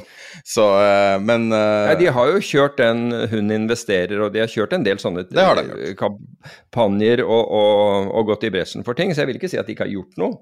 Nei, okay. um, jeg er enig, jeg er enig jeg tar feil. Du har rett. Men, uh, men, altså, men hva, med, hva er framtida av finans, da? Hvordan, hvordan ser altså, du det? det? Det jeg syns vi opplever i finans, det er jo at at man er At investoren kontra rådgiveren, være seg meglerselskap eller banken eller noe sånt noe, nå er på hver, helt veldig tydelig på hver sin side av bordet. Mens tidligere så, så, var jo banker var jo også medinvestorer og den type ting. Det har, det har man jo hatt mindre grad, selv om Goldman, vesentlig del av Goldmans inntekter kommer jo fra trading nå, såpass mye at uh, David Solomon gikk ned og sa de, de skal redusere dette. og da, da, reagerte jo analytikerne med å si at hvis man reduserer det, så reduserer man vesentlig del av inntektene. fordi de, de har jo fortsatt å ta risiko. Mens ta f.eks. i Norge, så er det veldig liten Det er så godt som ingen risikotagning hos, hos meglerforetak og banker. Slik at det gjør at man føler seg at man sitter veldig mye mer på hver sin side av bordet. Du har markedsføreren på den ene, den som vil selge deg noe. Og så har du du som tar risikoen på, på den andre. Og det rare er at det er den som sitter og Det er den som ikke tar risikoen, som, som jevnt over sitter igjen med, med, den høyeste gevinsten. Og det syns jeg er en sånn merkelig uh, greie. Uh, at det har på en måte flyttet seg, så det, det lønner seg. Altså, og hvis, hvis de som sitter og tar risiko, oppfatter dette sterkt nok, så vil de si at vet du hva, jeg, er, er, hvorfor skal jeg ta risiko? Jeg sitter jo igjen med mindre i gevinst enn de som ikke tar risiko. Da er det ikke logisk for meg å ta risiko lenger. Da kan jeg også bli en, som, en mellommann. Og jeg tror at du vil se en, en, en vridning der, at, mange, at, det blir færre risikotagere. Og flere som ønsker å være mellommenn, så, så kanskje da konkurransen øker mer hos, uh, hos mellommennene. Men det, det, du ser helt tydelig at de, de virker Altså noen, det fins noen investorer, men det er gjerne de som har veldig mye fra før av. Som har veldig gode resultater, eller som tjener, tjener, tjener voldsomt. Mens mellommannsapparatet skuffer virkelig inn, og ære være dem for det, at de har funnet, funnet, en måte å tjene penger på uten å ta, eh, ta, særlig risiko. Men jeg tror ikke den er bærekraftig over tid. For, for hvis ikke risikotakerne blir betalt for å ta risiko, og kan håndtere den, så vil de ikke ta risiko. Og da mangler vi det i samfunnet. Da er det ingen som stiller opp med aksjekapital til, eh, til bedrifter og er villig til å gå inn. Uh, så jeg tror at, at her ligger en, allerede en form for, for, ubalanse. Men det vi ser, er jo at altså Når du snakker om, om fremtiden, det er jo at den, den blir vesentlig og stadig mer teknologisk.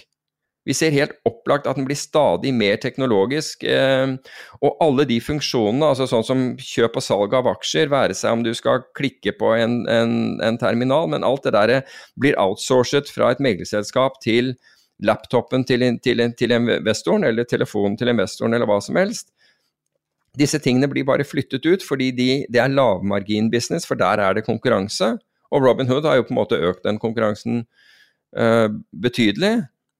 Mens fokuset hos meglerforetakene, det er, eh, det er emisjoner, det er å, å, å, skaffe, skaffe, kapital til bedriftene. Og det er jo, det er jo eh, bra, det, at, at, dette gjøres, men det skaper en ubalanse fordi eh, honorarstrukturen da er er, er, er, i ubalanse. altså Bedriften betaler en, et voldsom uh, fee til, uh, til, meglerforetakene for å gjøre den jobben, mens investorene da betaler en, en, liten kurtasje. Så hvem er det de skal prioritere i, den, i sin tenking? Og det er jo helt opplagt. Du prioriterer den som, gir, som, som, som betaler lønnen din.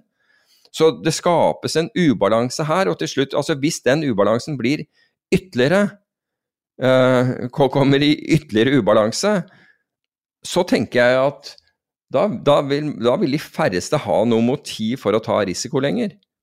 Du kan tjene så mye mer penger. Det er lettere å tjene penger, og kanskje, de, ikke, og kanskje de, de, aller rikeste ikke tjener fullt så mye ved å, ved å, ta risikoen. Og da er det bedre å si ok, jeg får en vanvittig avkastning f.eks. ved å eie et meglerforetak som ikke driver og tar risiko. Um, for å avrunde finans og, og framtida. Um, hvis du skal sammenligne året i år, 2021, med et historisk år og kanskje et historisk sted også, hvor du tror vi ligger nå? Er vi liksom New York 1929? Er vi Tyskland uh, 1922? Er vi uh, London 1905? Altså, klar, klarer du å dra sånne koblinger? Du, du, er vel mer nær Altså Hvis du skal se på verdsettelser og måten vi gjør ting på, men, men markedet altså det er vanskelig å ta en sånn historisk sammenligning, for premissene var helt forskjellige på, på de, de, tidspunktene. Men hvis du ser tilbake til 29, hvordan var stemningen i 29 før det smalt der? Og jeg sier ikke at, det, at man skal få en lignende uh, for, for, for, en lignende utvikling nå som, som man hadde til 29, men det var jo at at risikoviljen var enorm, ikke sant. Og, og da, da hadde du faktisk ikke sentralbanker som, som støttet oppunder og, og, og den type ting. Men risikoviljen var enorm, og ingen, trodde, ingen så for seg en annen virkelighet enn eh, en at det bare kunne fortsette å, å, å, stige. Og jeg vet ikke om jeg kan Jeg har lyst til å bare ta et Hvis jeg kan ta et, sita, eh, uh, ta et sitat, og det er fra, fra, fra Kjetil Hatlebrekke. Um, og vært det, Altså, han fikk jo nå uh, Etterretningstjenestens fortjenestemedalje. Uh, og det, det, jeg kan si dette nå fordi, fordi det ble, ble offentlig. Han, han, fikk den i offentlighet, og han er vel den første som har fått den. Det er ikke mange som har fått den, men han har fått den i offentlighet, og han er den første som får den. altså Hvor, hvor det er offentlig hvem, er, hvem de, de, de, de uh, har tildelt denne til. Men han sier at når farene og kompleksiteten rundt oss øker, så har vi mennesker en tendens til å fortrenge det utfordrende, og følgelig også en tilbøyelighet til å ikke ville akseptere det som åpenbart truer oss. Og det er jo finans i dag. Altså Endringer truer, truer oss, det har skjedd mye. Selskapene er eh, rekordhøyt priset osv. Vi har ikke en markedsstruktur som er solid under dette. Det er mange ting som truer oss, men vi velger å se bort ifra det. Og det er det er på en måte en sånn derre Det betyr ikke at noe skjer om en dag eller to eller en måned eller, eller, hva som helst, men det at vi ikke tenker på det, vi er ikke villige til å ta stilling til det, for vi syns at det er litt sånn komplekst, det er litt vanskelig. Og ingen kjøper, kjøper seg knapt, i hvert fall, kjøper seg beskyttelse øh, altså gjennom, gjennom salgsopsjoner og, og, og, den type ting. Det er veldig lite som, som, skjer. Alle regner med at sentralbanker skal bare fortsette å hjelpe dem ut når, hvis, hvis, det ser usikkert ut. Um, og, så, så vi er egentlig Hele markedet er basert på premissen om at det som skjedde i går, kommer til å skje i dag også. Eller det som skjedde på fredag, da, siden det er mandag i dag. Um, kommer til å fortsette å skje, og det er ingen fare. Og det er litt for tungt for oss å prøve å, å, å, tenke oss om. Og prøve å tenke på hva vi skal gjøre hvis, eller om dette er riktig eller ikke. Og det er en av de tingene altså Vi skal jo ikke være alarmists i, i, i denne podkasten, egentlig, men vi skal rette øh, blikket mot sånne ting, det, det, føler jeg altså, Og det å si det samme som alle, alle, andre har, at nei, det skal femdoble seg, og dette går tigangeren og alt mulig sånn, altså som avisene er fulle med, ingen, da har vi rett og slett ingen grunn for å være. Eh, for å ha en podkast. Men å rette blikket mot, slik at man kan ta stilling til, bare tenke over og ta stilling til, er det noe i dette her, eller skal jeg bare skal jeg holde flat pedal sant, videre? Nå har, jeg, nå har jeg kjørt på, på, en asfaltvei som har vært snorrett og hatt full gass hele veien, og nå jeg, nå skal jeg inn på en, på en, på en grusvei hvor det er eh, en litt hullete grusvei, og hvor underlaget er, eh, er, er eh, er, er, glatt, og hvor jeg, klarer, hvor jeg, ikke kan se hvor skarpe svinger er. Skal jeg holde like stor fart der? Jo, kanskje du skal det. Hvis du er, hvis du er Petter Solberg, så kan du kanskje gjøre det. Uh, mens, mens, de andre, fleste andre av oss ville liksom tenkt at mm, kanskje ikke, kanskje jeg skal i hvert fall før denne svingen løfte, løfte foten lite grann. Det er jo egentlig det jeg føler at vår rolle er, egentlig å påpeke sånne ting og få folk til å tenke selv. da. Vi skal, vi skal ikke fullføre en konklusjon for dem. Um, altså det, det, er ikke, det, er ikke, vår rolle i, i, det hele tatt. Vi, er, vi opptrer ikke som, som, rådgivere. Vi egentlig påpeker visse altså Hvis det er hull i veien, så, så er det greit å si du vet at der, rundt den svingen så er det ganske svært hull i veien. Det er greit å få vite. Jeg husker når jeg rullet til start på, på, på fartsprøver, uh, selv når jeg kjørte de, de, årene jeg kjørte rally, så ville jeg ofte spørre han, uh, han som sto på han starteren der, om han visste om det var noe spesielt vi skulle, vi, vi skulle se etter. Uh, og noen ganger så fikk du, uh, fikk, fikk du høre ja, det, det er uh, flere har dratt av liksom rett rundt her, sånn, så jeg har flere dratt av, så der skal du være forsiktig. Det er, det er en høyresving. Og da var det ganske grei informasjon. Men det var ikke grei informasjon. informasjon er løsninga. Hva sier du? Nei, du sier, nei ja, det, ikke, det, ikke, det, var ikke innsideinformasjon. fordi Det var ikke informasjon han ikke kunne, kunne gi oss. Det, det, var bare at vi ville bare, vi ville bare spørre. Og det er klart at hvis det kom Hvis eh, det stadig kom uh, rett etter start, altså to, tre minutter etter start, så kom det to karer gående med hjelmen i hånda ut av, ut av skauen, så, så, skjønte du at, så skjønte du at bilen sto igjen et eller annet sted, for å si det på den måten. Og det var greit, greit å få den informasjonen. Men Ulempen, og dette er, det kan være også ulempen ved oss, for så vidt, og derfor så må man eh, Derfor så er, kreves det kritisk tenking. Det var jo at hvis jeg da dro Altså, nå kjørte jeg på, og så og så, så, jeg ikke dette eh, Så jeg ikke denne faren i løpet av f.eks. de første to minuttene, så vil du tro at kanskje den faren er lenger frem, så du ville kjøre litt for sakte. Men hvis man kommer seg gjennom de her Det er jo det du på en måte snakker om. Kommer seg gjennom de her dippene der folk ryker og mister alt. Hvis du klarer f.eks. da å bytte ut aksjene dine med opsjoner, sånn at du, du har sikra nedsida di, du kan ikke tape mer enn det, men du har fortsatt mulighet til å hente masse på oppsida. Det er vel, mm. det er vel Den strategien alene er vel på en måte oppsummerer vel litt kanskje ditt verdenssyn, syns du ikke det? Jo, det er jo det der at, eh, at, den risikoen Altså at du har en, en, kontroll på den risikoen, og ikke bare blind tillit til at uh, sentralbanker skal redde deg neste gangen. Fordi under covid så kom jo sentralbanken inn, men det var jo flere som gikk over ende bare på det fallet uansett. Altså det kortvarige fallet, men det var jo tross alt over 30% Og det gjorde at flere gikk nedenom og hjem der, fordi de hadde belånt, belånte posisjoner. Så du må jo på en måte Altså du måtte ha overlevd finansielt, mener jeg nå. Også på andre måter, men uh, du måtte ha overlevd den covid-krisen, den finansielle covid-krisen, for å se markedene gå til, til ny all time high etterpå. Og Hvis ikke så så du markedene gå til ny all time high, men du var blåst ut der nede og skylder fortsatt penger. Vi vet jo at uh, det skjer, og så er noen av de som er mest risikovillige, de, de skylder såpass mye at de blir reddet. og det er det er jo ikke måten å lage et robust, uh, robust samfunn på, men uh, vi, snakket jo om det der for, forrige gang med dette med naturlig seleksjon. og Problemet i dag er nettopp at folk har ikke opplevd ting, og dermed så vet de ikke helt hvordan de skal Altså, de, de vet ikke hvordan markeder som ikke blir Altså hvordan frie markeder fungerer. Og Hvis du skal se hvordan frie markeder fungerer, så kan du f.eks. studere kryptovaluta, for der er det ingen sentralbanker som kommer inn og støtter opp. og Da ser du hvor raskt det kan gå den, den gærne veien.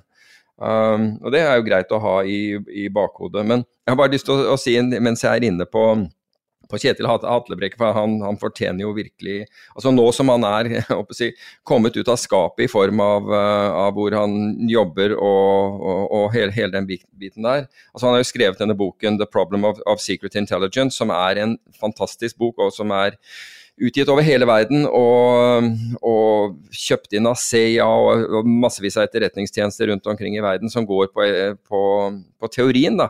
Og Jeg syns det var morsomt, for, forsvaret, for Forsvarets eh, forum hadde over... Hadde, altså, Aftenposten hadde en helside om han i, i sommer.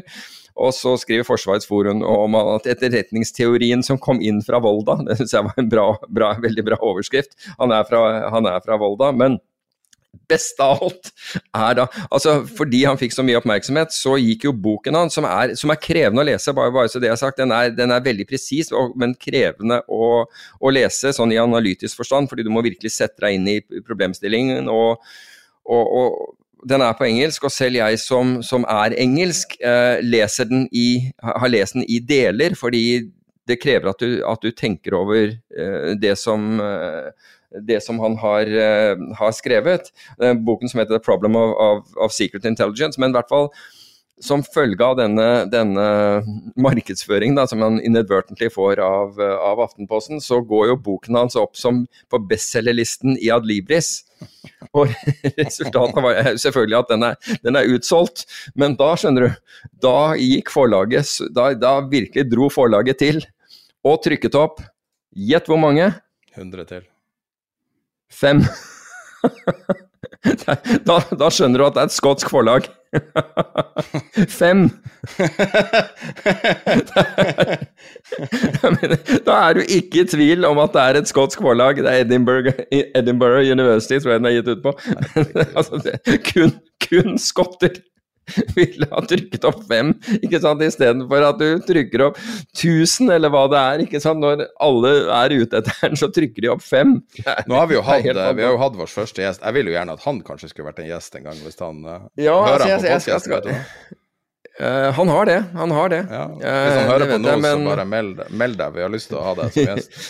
Ja, det, altså, det, veld, veldig gjerne ha ham så, som gjest. Han, er, uh, altså dette, han kan dette faget, og jeg vet ikke om noen som er uh, flinkere til å, å forelese. Altså, uh, om Altså, hvis du tenker på at at etterretningsanalyse, og dette har jeg jo sagt før, at om det er etterretningsanalyse eller om det er finansanalyse, her er det altså det å være analytiker og tenke riktig ut fra analytiker. altså Det spiller egentlig ingen rolle om faget ditt er finans eller egentlig etterretning. Det er, altså, i, i, utgangspunktet så skal du være opptatt av det samme og komme frem til sannheten. Og jeg mener jo at finansanalyse har ekstremt mye å lære av etterretningsanalyse i, i så måte. Og det etterretningsanalyse aldri konkluderer med, det er, det, det er, på en måte en sannhet Altså, dette vil skje de gir da et estimat for hva de mest, som mest sannsynlig vil skje på basis av den informasjonen de har. Ulikt finansanalyse, som da ender med, med gjerne et tall med to desimaler bak, mm, uh, hvor, hvor, kursen et eller annet skal gå. Så, um, I Le Byrå så gir de prosenter alltid. Er det korrekt? Er det sånn det Ja, det er, det er helt korrekt. Det er helt korrekt. Så, så har de en um, terskelverdi for når de skal gjøre noe basert på det, ikke sant? Ja, nett, ja nettopp. Så, så, du kan si at Og så er det jo opp til, eh, jo opp til uh, den som har gitt oppdraget, da, som er gjerne politisk myndighet ikke sant, i, i de fleste land, um, om hvordan dette skal brukes. Ikke? Fordi de ser jo dette i en politisk kontekst. Og de kan jo da velge om de vil da sitte med informasjonen og hvordan de skal på en måte spille den informasjonen. Det kan være at de, de spiller den informasjonen de har i forbindelse med en forhandling. Condoleezza Rice vet jeg gjorde det i forbindelse med et eller annet. Altså hun fikk eh, Hvem var det mot, da? Jeg tror det var i møte med, med Kina, ja, hvor, hadde, hvor, Etterretningstjenesten hadde fått noe eh, veldig verdifull informasjon rett før det, og hun ble gitt den. Og hun spilte da den i den forhandlingen. Um, og, og, endret på en måte the, the, the course of, uh, av den forhandlingen, da, uh, forhandlingen ved, ved, å, ved, å, gjøre det. Fordi hun visste noe som motparten ikke visste at hun visste, for å si det på den måten. Så um, men, men, i hvert fall uh, Hvis vi tar Kina, da. Vi snakka om det siste uke. Uh, og da sa jeg liksom at hvis man skulle gjette, er det her et nytt Kina vi ser, er det her nye intensjoner? Goldman Sachs er ute med en analyse um, om uh, investere under nye regimer i Kina. Så altså, det er tydelig at, at de mener at det er noe nytt som er kommet nå, og du må endre måten du approacher. Uh, jeg legger den. Ja, fordi de er plutselig blitt kommunister igjen? Ja, og så var det den Goldman-saken som var at, at, China mm. leaders have remembered something important. They're communists. ja. og uh, jeg, jeg, legger meg link til den også. Men uh, det jeg tenker på er, apropos de sakene, og apropos etterretning Hvor tett på Kina tror du f.eks. USA, eller, eller, kanskje jeg vet ikke om Israel er i Kina i det hele tatt, men uh, om, hvor tett tror du de har øyne og ører helt inne i de, de uh, mektigste maktsentrene. Det er jo 1000 personer som tar de her avgjørelsene i Kina. Tror du de har integrert seg helt der?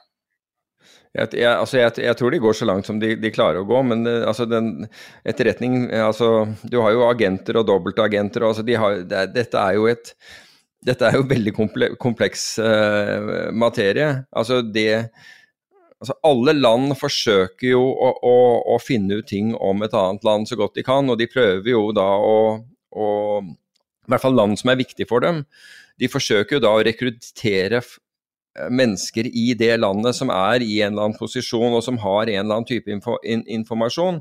Og så Noen ganger så, og, så klarer de det, og de, det er jo kilder som de da holder veldig hemmelig. For, for ikke bare, altså De holder det i enkelttilfeller bare noen få stykker innenfor en etterretningsorganisasjon vet hvem den personen er. Og de vil, da, vil definitivt ikke dele den personen med f.eks. annen, hvis, hvis, det er et vestlig land, det er Nato-land, annet lands etterretning, men det kan være at de deler noe av informasjonen de får med et annet land. Og det har jo, altså, og sånne ting skjedde. Hva var, var måten Hva var det? Ble ikke all hvem var det som Jeg husker ikke nå, men jeg, jeg mener at Britene visste om Ja, men nei, britene visste om en russisk agent. Åh, nå husker jeg ikke navnet på han. Han var i Danmark, han var også i Oslo, tror jeg, på et, på et tidspunkt. Det var vel han som var føringsoffiseren til, til um... Åh, Arne, hva er han heter? Arne Treholt en periode. Det er et navn jeg ikke har hørt på en stund. Britene delte noe av denne etterretningen med USA. Men, for, men fordi, eh, for, for, pga. sensitiviteten så ville de ikke fortelle hvem det var, hvor de hadde den fra, men det var god in intelligence. Problemet var at denne gikk da til i CIA gikk til Aldrich Ames, som var russisk spion, som satt i CIA, CIA som ble senere arrestert. Og, han, og sånn begynte det å brenne under beina. Hva het han igjen, da? Jeg lurer på om altså, det var en Oleg et eller annet. Åh. Han, han ble i hvert fall Eh, britiske diplomater kjørte han til grensen Klarte å få han over grensen til Finland. Han lå han bak i en bil, bak i kofferten. Og så fløy han fra Finland via Oslo til London. Jesus Christ. Ja, dette var vel på må, må, ha vært på ja, når var det? 70-tallet en eller annen gang? 70-80-tallet. Og det er en veldig Og hva er han het? Det er, rett og slett um, amnesia som gjør at jeg ikke husker det. Men altså, dette, er en, dette, er jo en historie som er kommet ut, så det, dette er jo ikke noen, en hemmelig historie i dag. Men hele den, det, det, forløpet um, er jo kommet ut. og og der ser man hva, altså, hvorfor man ikke deler altså han, Det var Aldrich Ames som klarte, uten å få navnet, klarte å dedusere hvem, hvem dette måtte være. Og så ga han det til russerne. Og russerne kalte da han her tilbake igjen til Fordi han var da Jeg husker ikke hvor han Hvilken ambassade eller hvilken stasjon han var om det var i England, men han ble kalt tilbake igjen. Altså han var ved, ved KGB. Eh, stasjonen i, i uh, russisk ambassade i London, mente jeg, så ble han kalt tilbake igjen til Russland. Og så ble han jo Jeg mener at han ble drugged, altså han ble gitt et eller annet narkotisk stoff i forsøk på å avsløre om det var han, men de arresterte han ikke for han var så høyt oppe altså i, i det militære. Men han hadde da Men de satte øh, spaning på han kontinuerlig, og han forsto at det var bare tidsspørsmål før han ville bli arrestert, og hvis han ble arrestert for dette, så ville han bli henrettet. Aldrich Ames ble i hvert fall ikke henrettet. Han lever nå fortsatt. Nei, det var Aldrich Ames som anga han her. Akkurat, sånn var det. Aldrich Ames Jeg vil bare påpeke at vi er fortsatt på temaet framtida finans. Men kanskje, kanskje, du er, kanskje, du er, litt inne på noe her? At ting bare blir mer og mer komplekst? Nei, jeg bare lurte på, når du snakker om, om, du snakker om de her tingene, så begynner jeg å tenke på sånn som Kina, f.eks. Men uh, kan ikke gå videre litt til framtida? Vi, vi, har ikke sånn uendelig mye jo. tid her. Altså jeg, jeg, ser at du har jobb som en av dem, og, og der, der, leser jeg faktisk noe i helgen. Og det viser seg at av amerikanere som planla å bytte jobb, så var 42% av dem de oppga at årsaken til at de ville bytte jobb, var at de ønsket, å, ønsket muligheten til å ha hjemmekontor. Wow. Altså De ønsket ikke å være på jobb. 42? 42% Husk på dette er 42% av de som har som, som, har, som, har, sagt opp jobben sin, altså, eller som, skal bytte jobb. Så dette er ikke 42% av arbeidsstyrken i USA, men 42% av de som sier takk for eh, Nå slutter jeg. Og, og, og, og 42 var årsaken nettopp at, at de ønsket å, å, kunne jobbe hjemmefra. Og jeg tror jo at Jeg tror at, uh, at covid har fremskyndet ekstrem teknologisk utvikling, rett og slett. Jeg tror at uh, Stakkars holder altså, ting... av næringseiendom, da. Jesus. Ja. Det har vært en konstant jeg, Jo, jo men jeg ville jo, vil jo, faktisk ha, vil jo faktisk ha tenkt, tenkt, på det. fordi de er, det virker som at de er helt overbevist om at alle skal tilbake igjen, og dette er ikke noe problem. Men jeg var for, for, for øvrig så var det 42 som uh, uh, mens, altså, unnskyld, det var største, største antallet. Det var 42% som sa det, og 42% sa at de, de tjente ikke nok. Um, og så var det videre nedover på, på, på, på skalaen på jeg liker, ikke, jeg liker ikke sjefen min og alt mulig sånn, men det var langt, langt mindre vik, viktig. og og helsen min var dårlig, det var 11% osv. Men 42% sa at de, de uh, jeg, vil ha, jeg, vil ha, muligheten til å kunne jobbe hjemmefra. Og det er høyt, altså. Etter min oppfatning så var det overraskende høyt, selv om jeg har hørt veldig mye her. Men jeg har også hørt at folk ikke vil tilbake. altså De bruker bl.a. deltaviruset som, som nærmest altså Det kan være at det er en reell altså det er jo en reell trussel, men, de bruker, men, det er forventet at de vil bruke det som en unnskyldning for å kunne jobbe mer hjemmefra. Og så er det mange som også sier det der at istedenfor at jeg skal for New Yorks del, da, skal sitte på, på, på, et tog i en time. ikke sant, Illeluktende tog inn til New York og svette meg gjennom det i en time, og så gå, gå til jobben. Og det samme for å komme hjem, så er jeg mye mer effektiv når jeg jobber hjemme. Kan være. 18% likte ikke sjefen sin for øvrig. Brukte det som unnskyldning. Men hva med sånn som eh, Jeg tenker på sånn eh, kommunal, altså sosioøkonomiske ting, sånn som E18 eh, nye E18 som skal bygges eh, ut, utover, fordi at man, man, forventer uendelig med pendling. Det er nå vel ja, de første tror... som stopper, er nå vel pendlere, de første som får hjemmekontor. Ja, mulig, men jeg tror at du det, altså når du ser hvordan eiendomsverdiene har steget i Oslo, og du, så ser du jo, jo og jeg hører stadig om det også, at folk flytter ut, rett og slett desentraliserer fordi de sier det er for dyrt. Og at det de får, det de kan selge en bolig i Oslo for, det kan de leve mye bedre for um, et stykke ut av byen. Slik at de får en mye, mye høyere livskvalitet hvis de, hvis de, flytter ut av byen, og da har de penger til å gjøre mye annet også. Så um, jeg, tror, jeg tror sånne ting blir påvirket også. Ja, altså hvis du tenker på at uh, at hvis du hadde hatt litt mer høyhastighets jernbane Det er ingen grunn til at det skal ta mer enn sånn, jeg vet ikke, 40 minutter eller 30 minutter egentlig fra altså Hvis du hadde høyhastighets jernbane og kommet deg fra f.eks. Tønsberg til Oslo, da. Nå er det sikkert Tønsberg passer, passe dyrt også, men, men uh, ta den dobbelte avstand. Da, ta en, en time, det tar over en time fra Tønsberg i dag med, med, med toget. Så, så, hvis du da hadde høyhastighets jernbane, så kunne du komme deg dobbelt så langt uh, altså på, på, en time. Og da, da, da ville en nok også sett at uh, etterspørselen etter boliger i, i, i, Oslo falt ganske dramatisk. Eh, jeg har lyst til å eh, ta på en tema fra, som har vært mye i avisa, eh, som jeg vet at du har litt eh, sterke meninger om. en norsk forvalter som ikke ble navngitt av Finanstilsynet, men som ble navngitt av avisene, eh, har gått ut og treida aksjer som man skulle kjøpe til fondet i forkant. Obligasjoner. Obligasjoner. Obligasjoner. Eh, ja. Såkalt frontrunning.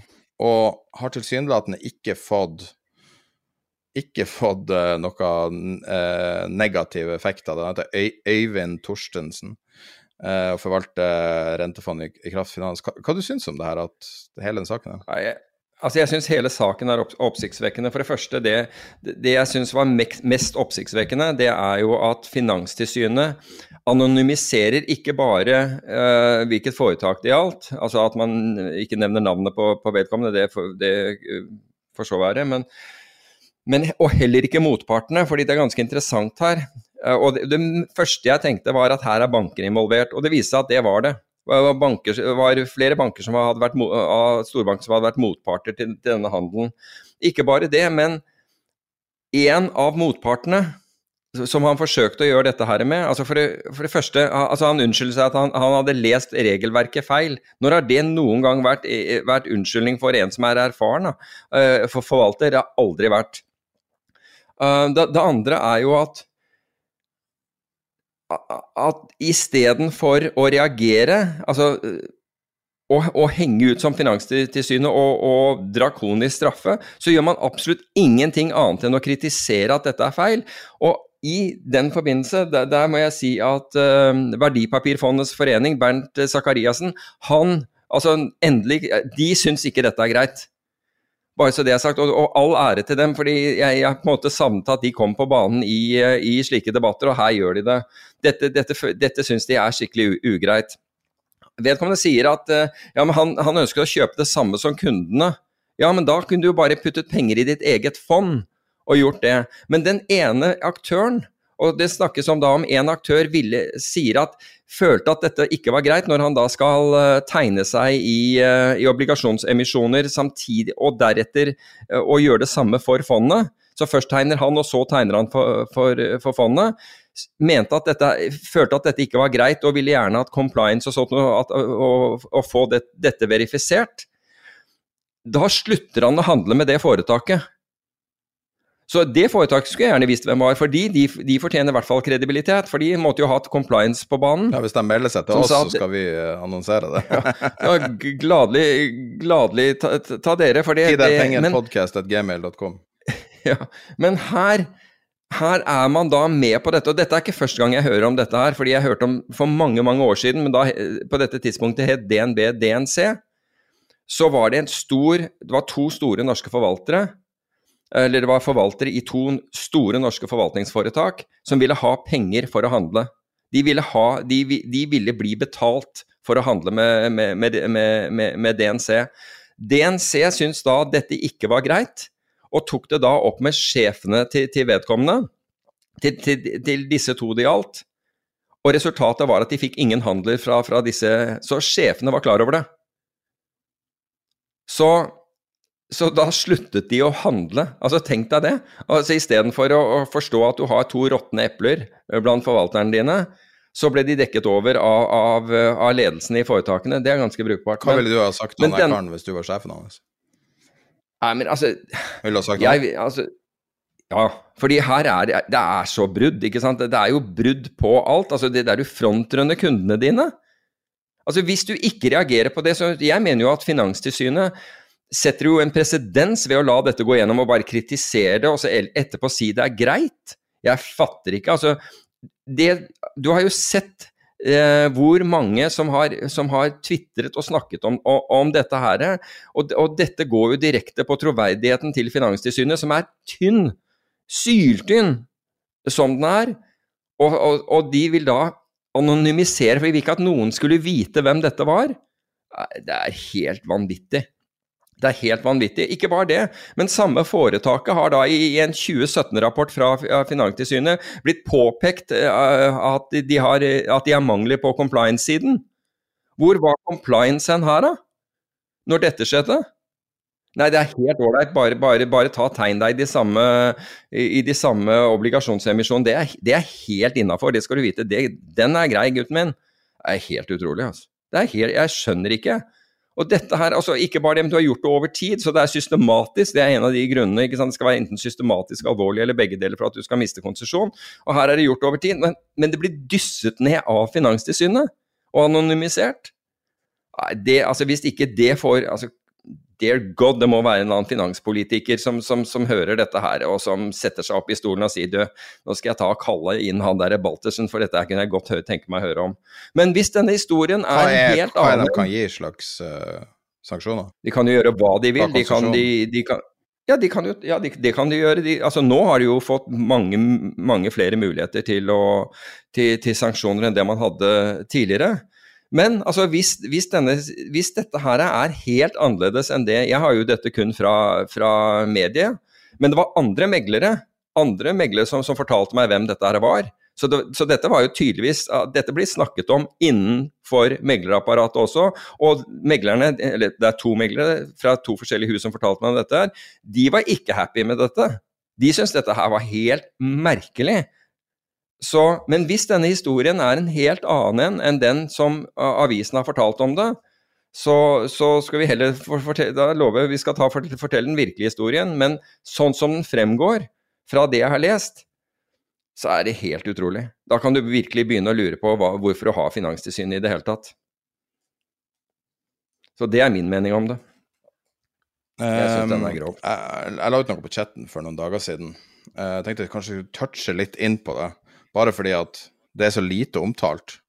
Um, det, det, er noe som heter SRF, uh, eh, og uh, legg med litt, uh, litt, research om det i, i, analysen, bare sånn du kan se det. Det er noe man burde være obs på. Det er jo, nå, nå, er jo det store spørsmålet, som har vært egentlig lang tid, men altså, spesielt nå, da, som er når skal Fed trekke tilbake, og hva blir konsekvensene? Blir det her eh, dommedag, hvis de bare trekker ut eh, alle denne pengetrykkinga over alle de her årene, skal ta slutt nå, endelig skal det begynne å ta slutt. Eh, hva blir å skje? Egentlig så det vi snakker om, er jo at de skal bare eh, redusere trykkinga, de skal jo ikke trekke tilbake. Så um, Og så eh, har du eh, Soltan Pos, Possar i, i Credit Suisse, som er det beste av det beste når det kommer til å tracke Fed, hadde en rapport ute før helga som handler om SRF som er en Kan du si det han kaller 'stroke of genius', da.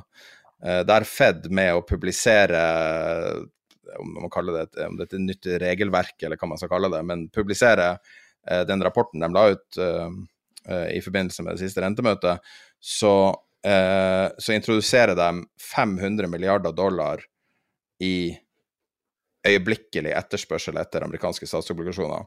Og når han, eh, når han summerer det her opp, da, så sier han at de har med, med et pennestrøk så har de økt etterspørselen med så, kanskje så mye som 750 milliarder dollar av amerikanske statsobligasjoner, og at det her gjør at uh, i forbindelse med taper da, så vil det her funke som en slags sånn uh, madrass for, for markedet.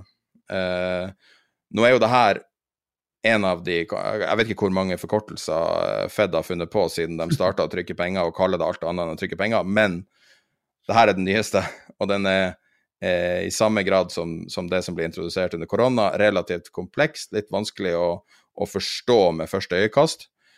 Eh, og det har jo blitt ignorert av media, mer eller mindre. Men eh, har, du, har, du, sett noe på det? Har du, har du gjort deg noen mening om hva det her er? Det er jo utenlandske banker det er snakk om.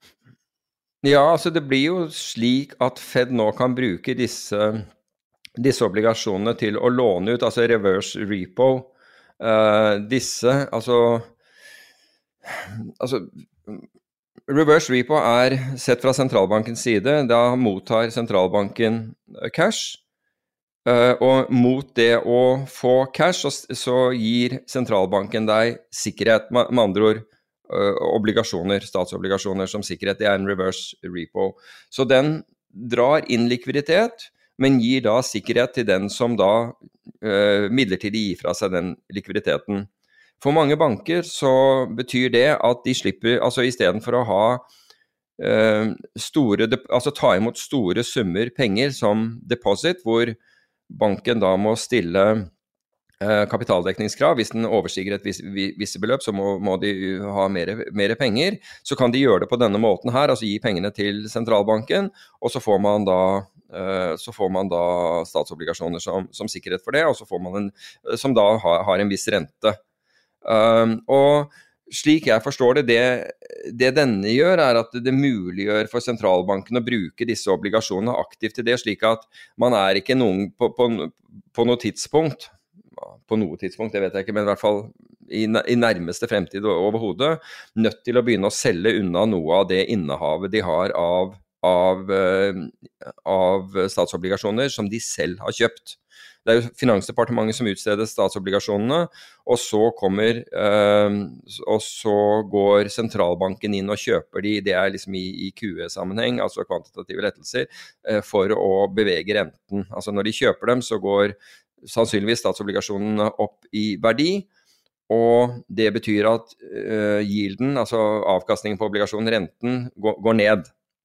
Så, så istedenfor at man må, må, på skal, eller på et eller annet tidspunkt skal ut i markedet og begynne å selge disse her, så kan man bruke disse til reverse repo. Det er, det er første, altså det er sånn jeg oppfatter det, i hvert fall. Ja, um, og så er det det som jeg kanskje um, kaller det en uh, temporary altså en han splitter, han sier, sier at til, Soltan igjen da, han sier at, at, um, at, å være sentralbank er egentlig ganske enkelt. da. Whenever a central bank does uh, is always either a permanent open market operation, POMO, or a temporary one, mm. TOMO. Og han sier at han mm. kaller det her financed QE, mens at tradisjonelle kvantitative lettelser heter funded QE.